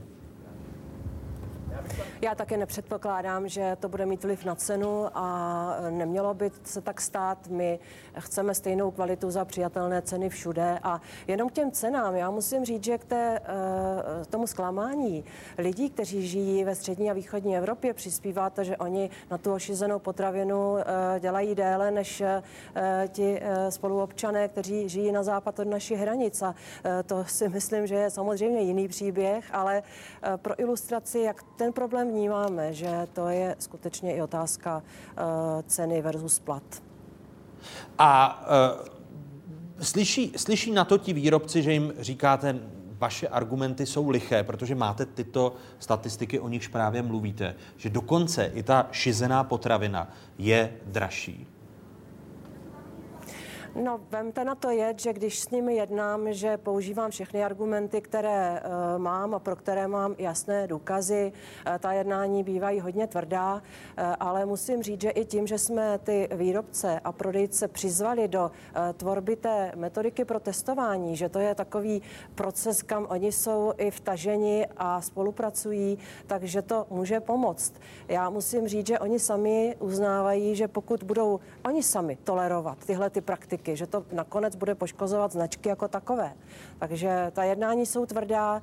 Eh, Dokonce jsem teď eh, opakovaně slyšela, že by mohli přijít s nějakou známkou kvality, eh, že garantují stejnou kvalitu. To jsou všechno aktivity, které jdou z jejich strany, ale já trvám na tom, že musí zafungovat kombinace legislativy, důkazů o tom, kde máme ty produkty a setrvalého tlaku orgánů, národních orgánů, které mají vynucovat právo, což je právě vynucování toho, aby neférová obchodní praktika nepřetrvávala. A když eh, se podíváme na to, že by v únoru, pokud to dobře půjde, europoslanci schválili ta přísnější legislativní pravidla, tak se to v eh, těch národních státech eh, projeví kdy, paní eurokomisařko? A musí to schválit europoslanci, musím k tomu říct já svoje konečné slovo a státy, jenom abych to doplnila, že to je právě na tom trojuhelníku. Eh, A eh, ta legislativa přijde k sobě někdy do dvou let, ale proto já říkám, musíme konat už teď to, co konat můžeme a nečekat na to, až ta legislativa přijde do účinnosti. Proto měříme, proto odhalujeme ty produkty, proto vyvíjíme tlak. Já nechci čekat na to, až budeme mít tady to zpřesněné znění legislativy, protože komise, jak víte, už eh, dříve přišla s právním názorem, že už dnes je možné hovořit o klamání spotřebitele a že by se ty praktiky měly eh, vytlačovat z evropského trhu už nyní. Eh, Děkuji pro tuto chvíli eurokomisařce Věr Jourové. Nejde jen o dvojí kvalitu potravin. Potraviny mnohdy nevyhovují normám, které to konkrétně jsou? Paní eurokomisařko, děkuji, můžete si jít do auta, já vám zavolám. Státní zemědělská a potravinářská inspekce Jo? odhalila v loni nejvíce nevyhovujících šarží u čokolád, cukrovinek a medu. Šlo asi o polovinu kontrolovaných vzorků. V případě sušených výrobků neprošla kontrolou skoro třetina. Zmražených krémů a nealkoholických nápojů nevyhověla čtvrtina šarží. V se. případů inspekce označila za nevyhovující jedlé tuky a oleje, brambory, zpracovanou zeleninu a nebo těstoviny. Ve světle těch citovaných dat, pane ministře, je dostatečně silný boj i na té národní úrovni, když Věra Jourová jasně říká už v současnosti, národní státy mohou bojovat proti eh, tomu šizení? tak státní zemědělská a potravinářská inspekce provedla za rok eh, řádově za loňský rok 30 tisíc kontrol, letos to bude stejně nebo možná více, takže já si myslím, že velký počet kontrol. Také udělala velké množství záchytů, ať to bylo při obsahu masa v konzervách, to jsme s panem kolegou řešili, eh, bylo to používání nedovolených pesticidů, bylo tam spousta dalších věcí, takže já si myslím, že státní zemědělská potravinářská inspekce funguje. Eh, my se ji snažíme podporovat, aby měla dostatek finančních prostředků, dostatek, eh, dostatek inspektorů. A ukazuje se, že vstupy do vaší řeči, ukazuje se to také na poklesu těch potravin, které nesplňují normy ve světle statistik. Já to zase řeknu podle čísel. Problémy byly u českých výrobců, u českých potravin do 10% U e, výrobců z ostatních zemí Evropské unie to bylo řádově 20% a u dovozu ze třetích zemí to skoro ušlo ke 30% Takže chci říct, že vlastně ty na záchyty a nálezy u českých výrobců byly prakticky nejnižší, což souvisí i s tou oblibou českých potravin mezi spotřebiteli, mezi obchodníky, že ta e, křivka jde nahoru. Svědčí to o tom, že eh, zachytáváme nálezy nedovolené pesticidy v jablkách, nízký obsah masa v konzervách, právě při akcích, které se konaly v řetězcích. A to je jeden z důvodů, proč jsme se o tom s panem prezidentem začali bavit, aby jsme to odstranili a tak dále. Takže já si myslím, že to funguje. A odstraní se slevové akce právě kvůli tomu, že ve slevových akcích jsou ty nejvíce šizené potraviny? Asi to úplně není pravda, co, co říkáte. Eh, ve slevách je spousta jiných věcí. A jenom zrovna se vrátím rychle k těm kontrolám. Eh, já jsem rád, že ty kontroly probíhají a budou, budou probíhat co nejtvrději, protože to, co myslím si nikdo nechceme, je, aby se na trh dostala problematická potravina. A teď je jedno, jestli už je z Ruska, z Polska nebo z Česka. Je prostě to, že my dneska máme velmi dobře fungující inspekci, je pro mě velké plus protože dokáže z toho trhu dostat i problematické. A vy už jste se, vy už jste se dohodli na, na hmm. eh, tom, jak jinak přistupovat ke slevovým akcím. Jestliže ministr zemědělství Miroslav Toman měl jisté výhrady ke slevovým akcím, že kvalita těch potravin ve slevových akcích není taková, jaká by mohla v mnoha ohledech být prostě určitě nemá smysl, aby tady dlouhodobě bylo tolik slev. Ale teď se nebavíme jenom o potravinách, se podíváme, jak jsou prostě Češi neuvěřitelně závislí na slevě. Na tom, že dneska si nikdo nic nekupuje bez slevy. Máte 80% zájezdů je buď to first minute nebo last minute. Já, já neznám člověka, podle mě neexistuje člověk v České republice, který si koupil auto bez nějaké slevy. A tak můžeme jít prostě segment po segmentu. Z toho pohledu 50% slev na je vlastně chudí příbuzní, ale jako, co si myslím, je důležité, aby ty slevy nebyly na stejné zboží celý rok, protože pak už to není sleva. Prostě pro mě je sleva nějaká krátkodobě omezená akce na něco konkrétního. A to si myslím, že je prostě normální součást biznesu. Eh, když eh, Češi eh, hledí na kvalitu, tak zároveň jsou mistry právě v těch slových nákupech, jak se o tom začínáme bavit. Data společnosti GFK potvrzují, že Češi, Moravané a Slezané vládnou středoevropskému regionu ve schopnosti nakupovat ve slevách. Tady jsou dva data. Z celkových výdajů za balené potraviny a drogistické zboží činí nákup v akčních slevách asi polovinu. V Chorvatsku jde o 39%, na Slovensku o 38% a v Maďarsku o 29%. V Polsku tvoří výdaje na zboží v akci pětinu celkové sumy. V Německu už je to jen 17%, oproti Česku tedy zhruba třetina výdajů. A právě problematika slev eh, se stala zajímavou i z pohledu ministerstva zemědělství, protože vy jste, pane ministře, musel vysvětlovat, že nechcete eh, zakazovat slevové akce, které my občané milujeme, ale že chcete, aby se potraviny v České republice nedaly prodávat za pod nákladové ceny. Už s tím zákonným opatřením přijdete? To znamená, dohodli jste se s obchodníky eh, na tom, jak vyřešit prodej produktů, především potravin za podnákladové hmm. ceny? Já bych to rozdělil do, několik, do několika fází. Za prvé, my nechceme rušit slevy jako takové. To je standardní marketingová věc, ale my chceme v těch slevách udělat pořádek. To, co říkala pan prezident, jestli se 80% zboží nebo 80% času jedno zboží prodává ve slevě, tak se ptáme, je to sleva nebo to není sleva? Uděláme v tom pořádek, to znamená tak, aby spotřebitel věděl cenu zboží, aby nedocházelo k plýtvání s potravinami, protože jestliže my jsme druzí v Evropě za Slovenskem a vlastně Rakousko, které nám je jakoby nejblíž, tam je to někde okolo 34%, se nemýlím, takže my jsme někde okolo 52, 54%, tak to má všechno tyhle ty své pravidla. To znamená, nikdo nechce rušit slevy, nechceme, nechceme, nechceme zdražovat potraviny, pouze v tom chceme udělat pořádek, vlastně i vůči spotřebiteli a vůči tomu, aby nacházelo k plýtvání s potravinami. A vy to, už jste došli ke schodě. A teď, teď se k tomu dostanu. Ano. My jsme se naposled setkali oficiálně ve velké skupině i se zástupci řetězců v polovině listopadu. Komunikujeme velmi intenzivně, jak jednotlivě s jednotlivými řetězci, tak vlastně i, i, i se celou skupinou Svazu obchodu a cestovního ruchu. Já musím říct, že ta jednání jsou vstřícná a konstruktivní, což neznamená, že se úplně ve všem shodujeme. Nicméně dohodli jsme se dohodleme a že do konce prosince a začátkem ledna Svaz obchodu a cestovního ruchu přijde s nějakým návrhem, o kterém budeme diskutovat, protože my jsme teďka předložili určitý návrh. Některé návrhy ze Svazu obchodu a cestovního ruchu už tam jsou. Jestli se nemýlím, omlouvám se, že to prozradím. Například zákaz letáků papírových z hlediska, z hlediska k životnímu prostředí a tak dále. Je to úspora 1,5 miliardy. Zákazníci byli informováni vlastně v prodejně. Těch věcí tam je spousta, ale nicméně já teďka nechci... Tisknout se tedy nebudou letáky. Ne, ne, ne, ne, ne, ne, ne, ne. Je to jedna z cest, o které se bavíme. To znamená, my jsme nic nezakázali, my jsme neuzavřeli žádná jednání. Já to dávám jako příklad, že to je jedna z úvah, nic víc, nic míň. A dohodli jsme se, domluvíme, že v tom uděláme nějaký systém. Ta dohoda nebo jednoduchá, my to pak budeme muset ukotvit v zákoně a takže, tak dále. Takže ta dohoda bude o konkrétních hmm. krocích, které se promítnou do zákona. Dohoda bude o tom, co to je vlastně uh, sleva, co to je akce a jak, co, co můžeme promovat. A to bude v zákoně A zakotveno. to bude v zákoně Protože zakotveno. nám takový zákon chybí. V podstatě my to nemáme nikde definováno v obecné rovině k potravinám. Tak. A úplně jednoduše, prostě ta pravidla musí stanovit zákon, na tom se nemůžou dohodnout obchodníci. Prostě tady nemůže vzniknout nějaká kartelová dohoda, která by řekla, toto je nějaký limit. Prostě pokud ten limit má vzniknout, musí vzniknout zákonem. A musí platit pro všechny, jak pro ty velké e, obchodní řetězce, tak pro ty malé, tak tady pro ten neformální větnamský řetězec, který se tváří jako spousta drobných e, samostatných e, obchůdků. Větnamský řetězec E, máte na mysli tak. večerky. Tak, ale když se podíváte, tak to je dneska velmi centrálně s nakupovaným zbožím, eh, s informačním systémem, který je propojuje, s velmi slušnou koordinací cen.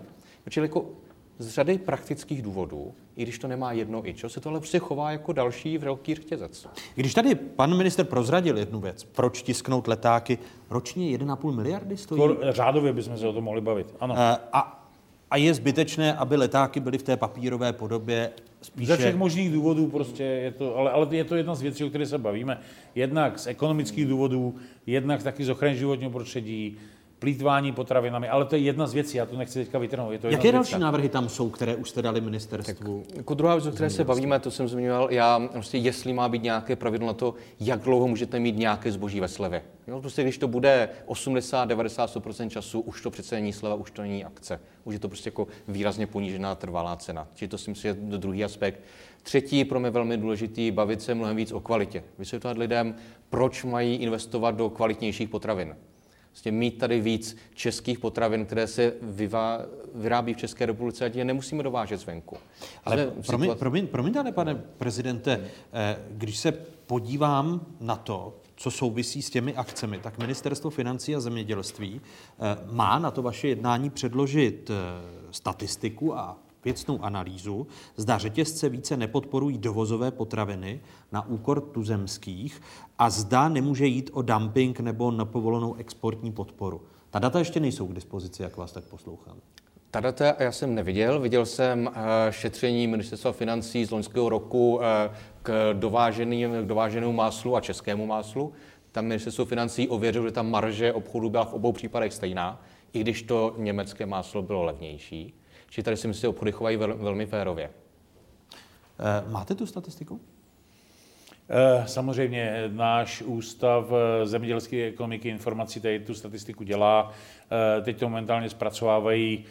Musím říct, že, že na to máme dva rozdílné pohledy, jako naprosto evidentně, protože podle těch statistik, i to máme od výrobců, od všech, tak k tomu zvýhodňování některých zahraničních docházelo, prostě a dochází. Nicméně to tak je, ale, ale já souhlasím s tím, Takže že máte statistiku, že řetězce... máme údaje, budeme říkat.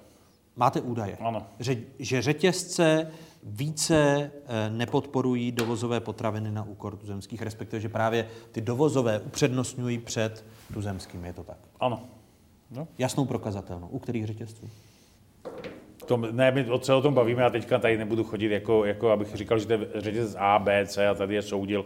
My se o tom bavíme, ty věci řešíme průběžně a já tu naši dohodu nebudu tady nějakým způsobem porušovat, protože my chceme jít nějakou cestu a ty věci odstraňovat. A říkám, naším cílem je to, co tady řekl pan prezident. Podpora vír, českých výrobců českých kvalitních potravin. To je náš cíl. To znamená, my tyto všechny věci postupně budeme, řeknu, odstraňovat, omlouvám se, v vozovkách, budeme se snažit, aby bylo preference českých výrobců. E, politika ministerstva zemědělství k tomu bude přispívat a přispívá podporou zpracování e, propagace, kterou budeme dělat společně a tak dále. Takže my se nechceme... No, pane ministře, ale když se lišíte v těch dom, já chápu, že tím by vám asi stroskotala ta vaše dohoda, o kterou se snažíte, ale eh, ku příkladu viceprezident potravinářské komory Hinek Strnat eh, letos v říjnu eh, na potravinovém žofínském fóru připomněl například fakt, že dovoz mléčných výrobků se na domácí spotřebě podílí zhruba ze 43%, týká se to zejména másla, síru či jogurtového mléka. Opravdu nemohu pochopit, proč u tak základní komodity, jako je mléko a mléčné výrobky, není na našem trhu minimálně 70% podíl českých výrobků, tak, jak je to z pohledu ekonomického zcela optimální a zcela obvyklé v okolních zemích, jako je Německo nebo Rakousko. Vy tedy odmítáte, Tomáši Prouzo, za svaz obchodu a cestovního ruchu, že byste tlačili české výrobce do nesmyslně nízkých cen a proto tady máme víc dovozů eh, než našeho, našich kvalitních potravin. Ty jsou důležité dvě věci. První, velmi často ten český výrobek ani není. Jsme v situaci, kdy dneska potravináři ani nemají výrobní kapacitu. Když se podíváte na statistiky, vyvážíme mléko, dovážíme máslo. Vyvážíme živá zvířata, dovážíme maso. No prostě, já myslím, ten první cíl dlouhodobý, jak té naší debaty s panem ministrem, by přece měl být o tom, aby tady bylo dostatek výrobních kapacit, které budou moderní, které budou efektivní. Tak by se prostě nestávalo, že to německé máslo je výrazně levnější než to české. A pokud se to děje, tak se ptejme, jestli je to proto, že ten německý výrobce je efektivnější, nebo protože má prostě nějakou jako další dotaci, podporu německého státu. Pak to porovnejme. A podívejme se možná taky na to, jestli tady chceme mít jako rozumně oceněné potraviny. Tak třeba jestli musíme mít na potraviny takovou sazbu DPH, jako máme dneska, nebo jestli nemůže být nižší, a tím, jestli třeba nemůžeme taky pomoct konkurenceschopnosti českých potravin. Je prostě tady jako spousta věcí, Počkejte, ale, ale když no. zůstanu u toho jádra, na které jsem se původně ptal, tak v rámci přípravy na tento pořád jsem obcházel velké obchodní řetězce, máslo za 620 korun. Máslo v akci za 620 korun, polské, převážně polské. To znamená, přece tady neplatí argument, českého másla máme relativně dost, ale v akci prodáváme zákazníkům polské. Není to to, co ukazují data ministerstva zemědělství, že v rámci těch slev se upřednostňují právě dovážené potraviny? Ale jsme velmi často v situaci, a to máslo je jednou z těch komodit, prostě toho českého výrobku není dostatek. Prostě my tady v řadě segmentů si nepokrýváme českou spotřebu. Proto české máslo prodáváme za pade, zatímco polské za 620. Proto taky v Česku nemáme tolik. Naopak prostě ten Polák, který ho umí vyrobit výrazně víc, je ochoten ho prostě prodat za levnější cenu. A ptejme se proč. No. A to je prostě, myslím, jako základ té naší debaty. Prostě co tady udělat eh, s produkčními kapacitami. Pan ministr má oči v slou. Tak. Eh, pane ministře... Tak, dobře, takže teď doopravdy, jo, si to řekneme. Tady, já děkuji a tady s Tomášem si týkáme, takže tady nebudu zakrývat. Já jsem velmi rád, že se stal prezidentem Svazu obchodu a cestovní ruchu, akorát já se obávám, že občas budeme muset zajít a my ty čísla dáme nějak dohromady při vší úctě. Je to o jedné věci. Dlouhodobě, když se vrátím teda zpátky, řetězce a obchodní řetězce tady dlouhodobě likvidovali český potravinářský průmysl. Protože to takzvaně vozili za levnější e, peníze, takzvaně. Já opravdu už, ještě když jsem dělal prezidenta potravinářské komory, tak jsem jasně ukazoval faktury, za kolik to bylo nakoupeno, že to byla podobná cena jako od českých výrobců a za kolik se to prodávalo. Nevracejme se k tomu, ale už to neopakujme. Kapacita tady je, musíme si pouze říct, že to budeme, a to je ta naše dohoda, o které se chceme blížit, pojďme dělat dlouhodobé smlouvy na rok, pojďme si říct nějaká cenová prohlášení, pak to stabilizuje nejenom obchod, je stabilizuje to průmysl a hlavně to je výhodné pro zákazníka, protože zákazník bude co má očekávat. A tady myslím, že to je úhelný kámen. Já se k tomu nechci vracet, protože jinak se dostaneme k argumentaci, kolik, co a jak a tak dále. My se musíme posunovat dopředu. To znamená, já znovu opakuju, není to tak. Já prostě nechci tady tu debatu zatěžovat, že si tady budeme říkat, jestli tady se budeme trumfovat eh, s panem prezidentem, jestli tam je o 10% víc obchodní přerážka nebo míň. Je naprosto evidentní, že řetězce se nějak chovali, chovali se nějak, protože stát jim to umožňoval a my teďka se bavíme o tom, že si dáme pravidla tak, aby došlo ke slušnému a standardnímu chování, jako se chovají ve svých mateřských zemích. To by, to by mělo být součástí toho zákona. No té, ne, to, ne, regulace. ne, ne, to, to, to, to, to, součástí zákona jsou, jsou, je, jsou akce, ale my si děláme určité jakoby predikce a říkáme, co by mělo být pravidlama slušného chování a kam to budeme včlenovat a co s tím budeme jak dělat. To, jak to chcete udělat, pane ministři, když jsem uvedl jeden konkrétní příklad, který mm-hmm. vám se asi pochopil líbil a nelíbila se vám argumentace zde přítomného prezidenta Svazu obchodu a cestovního ruchu. Eh, to znamená, že není normální podle vás, že máslo v akci za 620 hmm. v velkém obchodním řetězci je polské, nikoli české. Já se přiznám, že teďka neumím reagovat, jestli to je za 620 nebo za kolik, ale věřím vám. Budu no to vám věřte, věřit. Co mi zbývá? Opravdu že? jezdil jsem po co, hypermarketech. Co, co, co, co, co mi zbývá? Věřím vám. Ano. Jo? Leták dodám, papírový ne, dodám. Ne, leták, jasně. A já si to poběžím koupit. Ale uh, jde mi o jednu věc, že samozřejmě tady je ten problém, že je velký zájem o, o mléčný tuk v celé Evropě. Ať jsem jednal se srbským kolegou, ať jsem mluvil s, s rakouskou kolegyní a tak dále, je velký zájem o české kvalitní máslo. Tam je zajímavá jedna věc, že, zahraniční, že v zahraničí řetě jsou ochotní zaplatit za to máslo více, než kolik jsou ochotní nám zaplatit tady doma. To je ten paradox. A my se k tomu musíme nějakým způsobem rozumně dostat ze všech stran, ale že by tady a nebyla se, výrobní vy, a vy kapacita, se, ne, vy, se, vy se nedostanete k tomu uh, jinak, než že budete měnit zákon, nebo ne? Podle vás není zapotřebí změna zákona? No ne, já si tomu, myslím, že to, abyste to, je, to je dostali... několik věcí. Máme zákon o potravinách, do kterého můžeme včlenit konání akcí, kvalitu potravin a tak dále. Což chcete udělat. Což chceme udělat. Pak máme Ledně. zákon o významné tržní síle, o tom se můžeme bavit, jestli projde novela nebo neprojde, zjednoduší se to. Eh, Na evropské úrovni se, se baví o nekalých obchodních praktikách, což může jedna z věcí. Minule se tam povedlo dát, že je splatnost do 30 dnů, teď se to objevuje v evropských pravidlech, takže my se zároveň můžeme bavit, že všklumíme někam, že by měly být eh, smlouvy na jeden rok, že by mělo být nějaké úložiště, že když se to bude měnit a tak dále. Těch věcí je spousta, ale to se týká několika různých zákonů, různých vyhlášek, takže teďka tady, abych řekl, všechno nadspeme do zákona o potravinách, to by asi nebylo fér a asi bych tady neříkal úplnou pravdu. Ale jdeme kus za kusem, to znamená, máme problém slevy, máme problém doba trvání kontraktů, máme problém. A my se bavíme o tom, kam se to může včlenit. Zda je to vůbec potřeba, aby jsme zbytečně nevytvářeli novou nějakou regulatoriku, jestli nejsme schopni se domlouvat, aby se chovali normálně a tak dále a tak dále. Než dám slovo Tomáši Prouzovi, tak se ještě podívejme na to, jak se my, občané, díváme v průběhu času, jak se mění naše postoje právě eh, k potravinám. Eh, Pavel Ranocha a Kantar.cz eh, pozbíral aktuální data a srovnával současné postoje obyvatel České republiky k potravinám s názory, které lidé měli před dvěma lety, kdy jsme se ptali na podobné věci. Čím dál víc Paní Čechů eurokomisařko, se prosím, domnívá, pěkně, mohla že v České postavit? republice za potraviny, které jsou kvalitativně srovnatelné se západní Evropou, zaplatíme více než jinde v Evropské unii. A v tuhle chvíli si to myslí 70% Čechů, před dvěma lety to bylo 61%.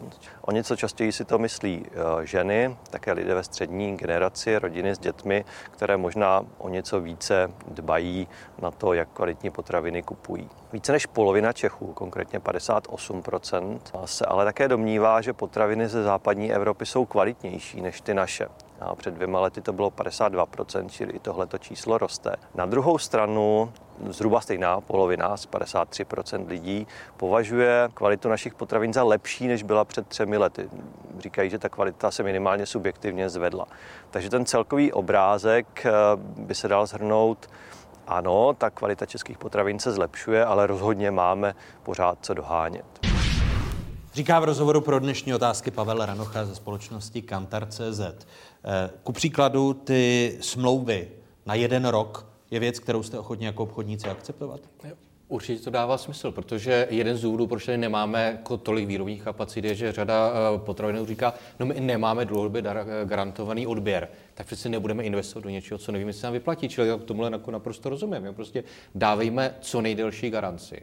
A součástí toho taky je prostě, abychom dokázali všichni společně mnohem víc podporovat české potraviny jako takové a zejména ty kvalitní. A na tom, na tom existuje tedy schoda a va, vaši členové tedy přistoupí na to, že by v zákoně o významné tržní síle byla... Ne, ne, ne, ne. My se bavíme o tom, co chceme udělat a druhý krok bude, zda to vůbec někam musíme vložit a v případě, že ano, tak kam. A na tom je schoda, to je ta schoda. No ale protože je jasné, že se to asi někam vložit musí, Jasně. Tak se ptám, jestli byste souhlasili, pokud by to bylo v zákoně. Dlouhodobé smlouvy s výrobcem na jeden rok a dát to ku příkladu do zákona o významné tržní síle. Jako původně, v tuto chvíli spekulujeme, jako ve chvíli se dohodneme na těch principech. Tak přijde druhé kolo, kdy si bude muset říct spolu s právníky, co musí být v zákoně. Ale a kdy to nemůže na být tomto, nějaká na tomto obchodní. principu už jste se dohodli. Je to jedna z věcí, které chceme, rozhodně. Prostě chceme mít tu dlouhodobou udržitelnost českého zemědělství, českého potravinářství. Jo. jo, to je to A klíčové. musí to být podle vás v zákoně? Já si Tam myslím, se lišíte. ano. Ne, já si myslím, že bude muset přijít to přesně věc, kterou když někdo přestane dělat, tak si získá neferovou výhodu proti těm, kteří se budou chovat slušně. Takže souhlasíte s tím, aby to bylo v zákoně? Je to jedna z věcí, které tam podle mě být musí. Všechno, co se týče cen, obchodní politiky, prostě musí definovat zákon, aby se nestalo, že se prostě někde někdo utrhne a bude získat eh, nefér výhodu proti těm, kteří se chovají slušně. A zdá se, že to je eh, poměrně velká harmonie. A tak víte co, mezi tak jako my jsme se dohodli na, na, něk, na nějakých postupech, jako aby si někdo myslel, že tam je něco špatného zatím. Je to o tom, že jsme se dohodli, že se dohodneme a že naším zájmem je propagovat české potraviny. Problémy střetu zájmů nejen premiéra, ale i ministra zemědělství. Právníci Evropské komise podezírají premiéra Andreje Babiše ze střetu zájmu a z porušení unijních pravidel kvůli dotacím pro holding Agrofert. V interním materiálu právního servisu Evropské komise se píše, že Andrej Babiš má zájem na ekonomickém úspěchu Agrofertu a jako premiér má možnost ovlivňovat rozhodování spojené s využíváním fondů přicházejících z evropského rozpočtu. Andrej Babiš v rozhovoru pro českou televizi obvinění odmítl, tvrdí, že se chová podle zákona.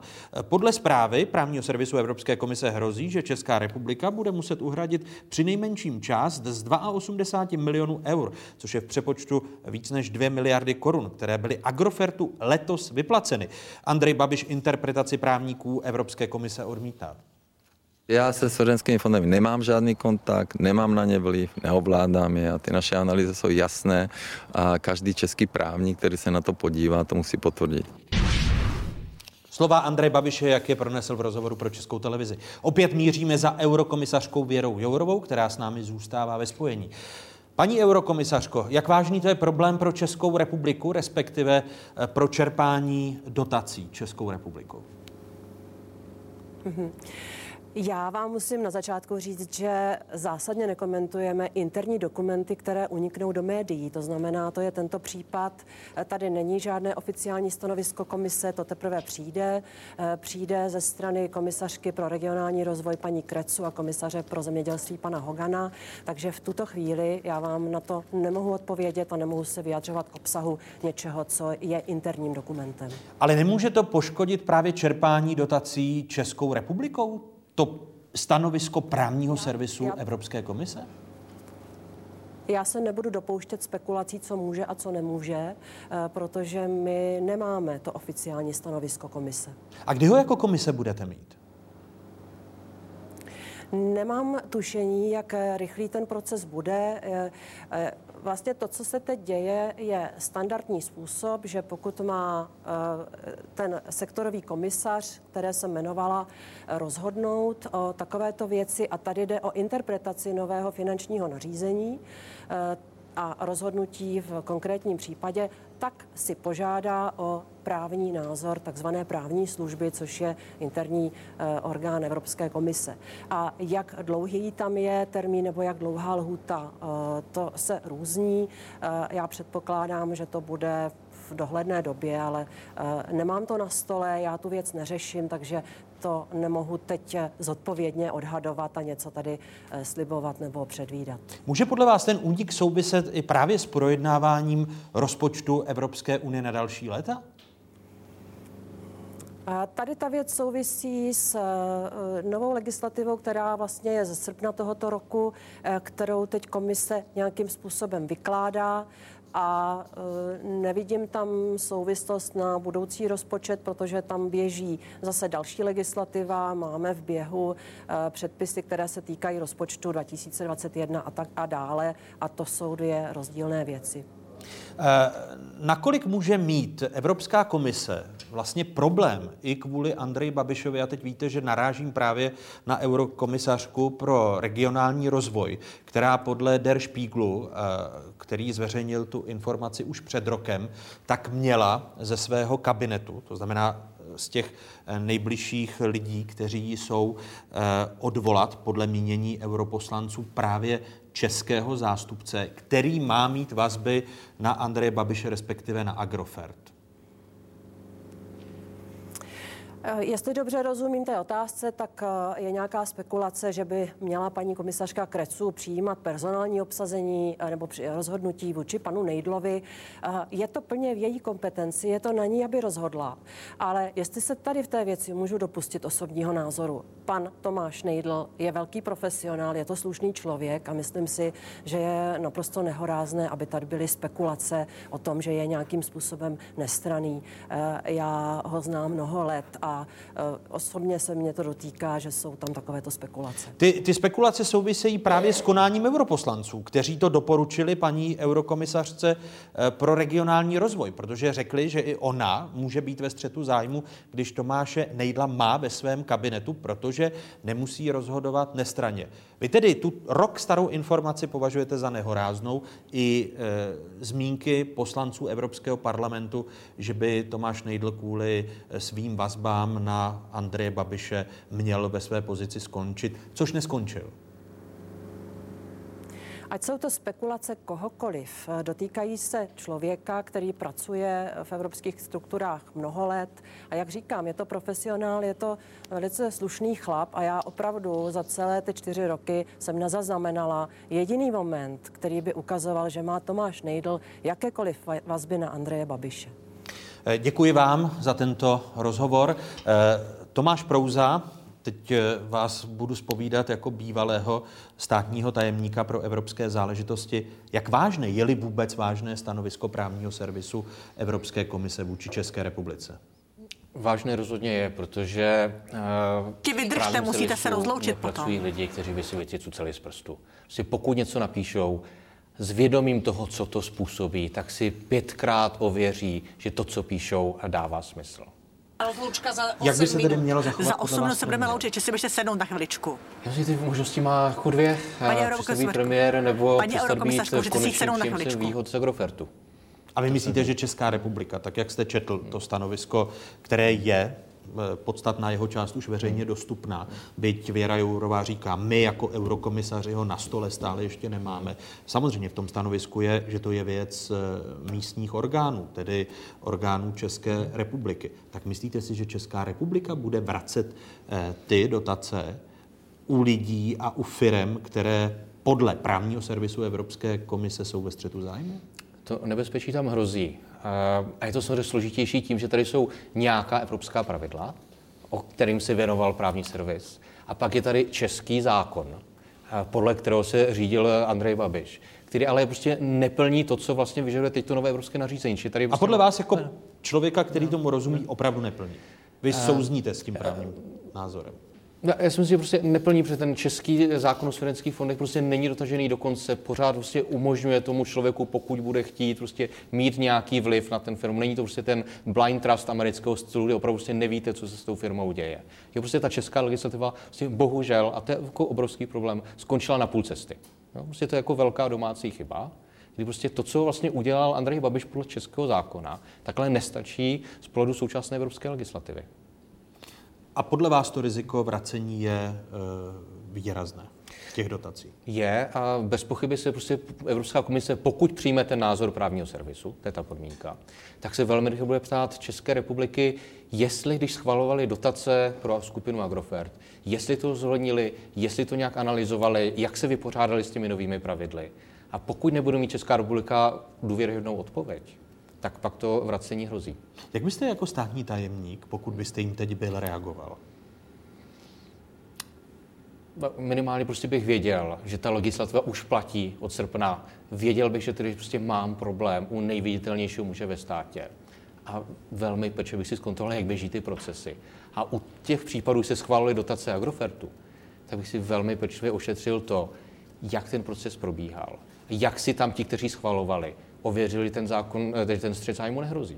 To znamená, že správné bylo, že Agrofert neměl od eh, té doby, co platí evropská pravidla, tak neměl Agrofertu vyplácet dotace. Chápu to správně. A nebo musel mít tak jasnou interní analýzu, která by říkala, že ten konflikt zájmu tam není. Prostě jedno nebo druhé. On v té kauze je i tady zde přítomný ministr zemědělství Miroslav Toman. Když to velmi zjednoduším, pane ministře, tak e, váš otec vlastní 80% akcí konsorcia Agrotrade, pod který spadá společnost Xaverov, která v letošním roce od té doby, co platí evropská pravidla, e, tak prokazatelně pobírala evropské dotace. Ředitelem toho mateřského agrotradu je váš bratr Zdeněk. Myslíte si, že i vy budete, tuším, jde o 2 miliony, nemýlím se, ano. že je budete vracet? Já se omlouvám, já se trošku vrátím zpátky. Já jsem vás tady poslouchal a paní komisařku Jurovou. Já, já si myslím, že celý, celý tady se bavíme o spekulacích. Všichni tudy šli, někdo to říká tak nebo tak, nikdo, koho se to týká, to neviděl ten materiál, nikdo se nechal udělat právní analýzu. Takže já to absolutně odmítám v tu chvíli vyjadřovat se ke spekulacím. To je bod jedna. Musím říct, že tak, jak tady říkal pan, pan prezident, Andrej Babiš odpovídá plně, eh, že vložil svůj, svůj majetek z veřejného fondu a tak dále, a tak dále. Takže on se, on se z našeho pohledu ničeho nedopustil. Já mám analýzu a informace od státního zemědělského intervenčního fondu. Upozorňuji, že to je certifikovaná, akreditovaná agentura každoročně a že prostě se dotýkáme de facto lidí, kteří tam pracují, kteří se nedají ničím ovlivnit, ty pracují podle pravidel. Když to se týká jejich se, ministr? Samozřejmě. Eh, samozřejmě. A vy, vy, vy minister, nepřipouštíte, minister, že by, že by ministr ne. mohl mít ne. Eh, z hlediska ne. váhy svého úřadu ne. ten tlak vůči ne, svým protože minister není ten, který podepisuje jakékoliv dotace, jakékoliv rozhodnutí. To běží přesně podle pravidel, která jsou certifikována a auditovaná. Státní zemědělský fond to neaudituje ani necertifikuje minister zemědělství. Za prvé. Za druhé, ředitel státního zemědělského investičního fondu je v přímé působnosti státního tajemníka na ministerstvu zemědělství. Není v působnosti ministra. Já ano, nemůžu přijít... státní tajemníci mají být s nás odvoláváni, protože ale dobře, je v poslanecké sněmovně. No to nejsou spekulace, promiňte. Ne, ne, ne, to je přece ne, vládní ne, návrh. Ne. Jak můžete označit vládní návrh zákona o ale státní službě za spekulaci. něco, že my budeme někoho odvolávat kvůli něčemu, že nepodepsal dotace. To tak není, tam není žádná přímá souvislost. A prosím, Má nechte, nechte mě domluvit. tajemník s nás ne, ne, dostávám se někam jinam. Já se budu ne, věnovat... dostáváme se k faktice. Tak počkejte. Znáte moji odpověď, anebo ji chcete slyšet? Ne, chcete mi já sdělit? Ne, já jenom ne, koriguji, nechte mě domluvit. Jenom koriguji no, ne, to, ne, vůbec co nekorigujte, nechte mě domluvit.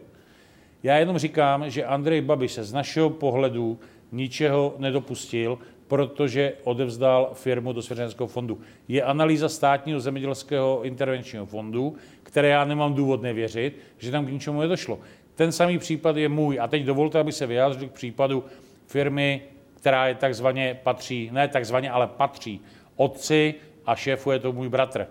Takže dotace 2 milionů korun byla schválena v říjnu 2017 a byla, byla, byla vlastně odsouhlasena v listopadu a teprve teď se právě až podle těch pravidel podepsala dohoda o tom, že to mohou udělat.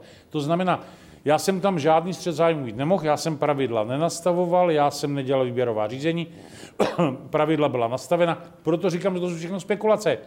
To je stejný, jako když řeknu, ten, kdo má auto, může potenciálně někoho zabít. To je stejný. To je úplně jak, stejná můžete... spekulace. Ne, to znamená, ministře, vy mě vkládáte něco, ne. že já teď něco... A ne, nezlobte se na mě, to je ne, omezení. A co máme udělat teda? Ne, ne já, já koriguji Absolutně. vaše slova o spekulaci, protože to, že e, se vede řízení o střetu zájmu i u vás. To potvrdil eurokomisař Zkoumá pro, země... se, jestli se začne vést pro zemědělství Phil Hogan v říjnu na půdě Jasně. Evropského výboru pro rozpočtovou kontrolu. Takže to není spekulace. To, že existuje dokument právního servisu, není spekulace. Já nevím, Protože... já ho neviděl. Vy jste to neviděl? Ne. Vy, vy, vy jste nečetl je, no, jeho média, znění... česká, česká média. Ne, To Já jsem s tím nepřišla česká média. Ne, ne, já vím, ale převzali to. Jestli, jestli Zidoče No. Zeitung je české médium. Ne, ne, ne, počkejte, tady se točíme někde jinde. Ne, to- já va- já vám říkám fakta, Nečetl, pane ne, nečtu si Deutsche Zeitung. Nečtete. Omlouvám se. Guardian také nečtete britský. Ne. Nečtete. Tak, V sobotu eh, určitě ne. Tak eh, když si ho přečtete, tak nemůžete tedy, když něco nečtete, tak to vydávat za spekulaci. Ale počkejte, Protože já... pak jste tedy ne, neinformovaní. ne, ne, ne, ne, ne, ne. My jsme se Ne, vy jste posunuli někam jinam. za spekulace. Ne, já, já jenom koriguji vaše slovo spekulace. Proto tedy říkám, protože vy jste označil to za spekulaci, že nebudete to komentovat. Zároveň říkáte, že jste to nečetl. Tak to není No, nebudu, spekulace. no ne, tak já nebudu komentovat, to jsem si přečetl v českých médiích. Zdá se, že by mohlo dojít ke střetu zájmu, tam, je ta, tam byla ta věta. Tak proč já bych tuto větu zdá se, že by mohlo dojít?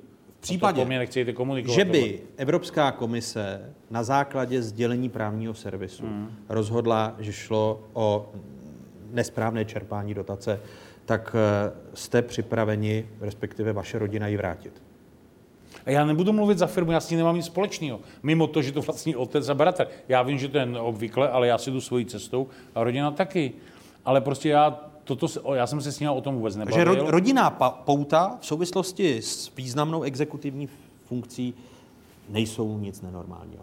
Vy Ne. neuvažujete o tom, že byste rezignoval na post ministra? Absolutně ne. Eh, ta rodinná pouta, přeceňují se právně, mediálně, když eh, zůstaneme u slov ministra zemědělství? Já- Já myslím, že ve chvíli existuje veřejná kontrola a myslím si, tohle typický příklad, ta veřejná kontrola existuje. Prostě všichni vidíme, prostě, kdo ty dotace čerpá, eh, které firmy to mají. Tak pak si myslím, že je to v pořádku. Prostě to, co by bylo problematické, je pokud prostě někdo ovlivňoval na pozadí prostě věci a nemusí to být zdaleka pro svou rodinu. Když máte na řadu skandálů, tak ty zdaleka nebyly postaveny na rodinných vazbách, na nějakých úplně jiných. Čili jako to, na co tlačme, je jednak jednoznačný výklad toho nařízení a jeho transformace do české legislativy, pokud ta česká nestačí. A je jednoznačný? Když tady ministr zemědělství říká, že zatím to je spekulace, to, jak právní servis vykládá, byť nečetl. Ano, ale je, ano, je to z právním servisu, Evropská komise s ní bude muset nějak poradit. To, co se teď děje od toho srpna, kdy ta no- nová pravidla platí, tak všechny státy se ptají Evropské komise, co znamená tohle, jak máme aplikovat tohle, co máme udělat s tímhle. To prostě rok, dva poběží tyhle ty výkladové stanoviska. A ty pak prostě musíme eh, začít naplňovat. Eh, Ještě stručná otázka pro Věru Jourovou, protože bez zesporu eh, ty nejasné výklady ovlivňují právě i vnitropolitické dění, vys Česká, Česká republika. Tak cítí komise, že ten výklad je zásadním problémem a že by to vaše rozhodnutí a když to řeknu, razítko na to stanovisko právního servisu, či odmítnutí stanoviska právního servisu mělo být co nejrychlejší? Tak nepochybně komise si je vědomá plné zodpovědnosti za to, že v tom rozhodnutí, eh, že v tom bude obsažen výklad, který bude platit eh, všem stejně, to znamená ve všech zemích vůči všem eh, případným osobám, kterých by se to týkalo, takže tady to je skutečně závažné rozhodnutí, které bude komise dělat. Proto se vás ptám, zda by nebylo lepší, aby přišlo dříve než později. No, vys moje předchozí eh, odpověď. Já nemám představu, jak tohle může dlouho trvat, protože to není moje agenda a nezodpovídám eh, právě za toto rozhodnutí. Naštěstí. Říkáte to s, tako, s takovou úlevou. Eurokomisařka pro spravedlnost, ochranu spotřebitelů a otázky rovnosti pohlaví Věra Jourová byla naším hostem. Přeji vám hezký zbytek dne do Třebíče. Děkuji, zdravím Střebíče. Hezký advent přeji. A děkuji i dvěma hostům, kteří byli tady. Paní eurokomisařko, moc děkujeme za vstřícnost. Mějte se hezky, hezký den. Roman, děkuji pane ministře. A děkuji i prezidentovi Svazu obchodu a cestovního ruchu Tomáši Prouzovi. Děkuji vám. Díky za pozvání, hezký advent. Vám děku, divákům děkuji, že jste se dívali. Připomínám, eh, jsme na internetových stránkách České televize, známá adresa, stejně jako na sociálních sítích. Hezký zbytek adventních časů, adventní neděle ve společnosti České televize. Je to vaše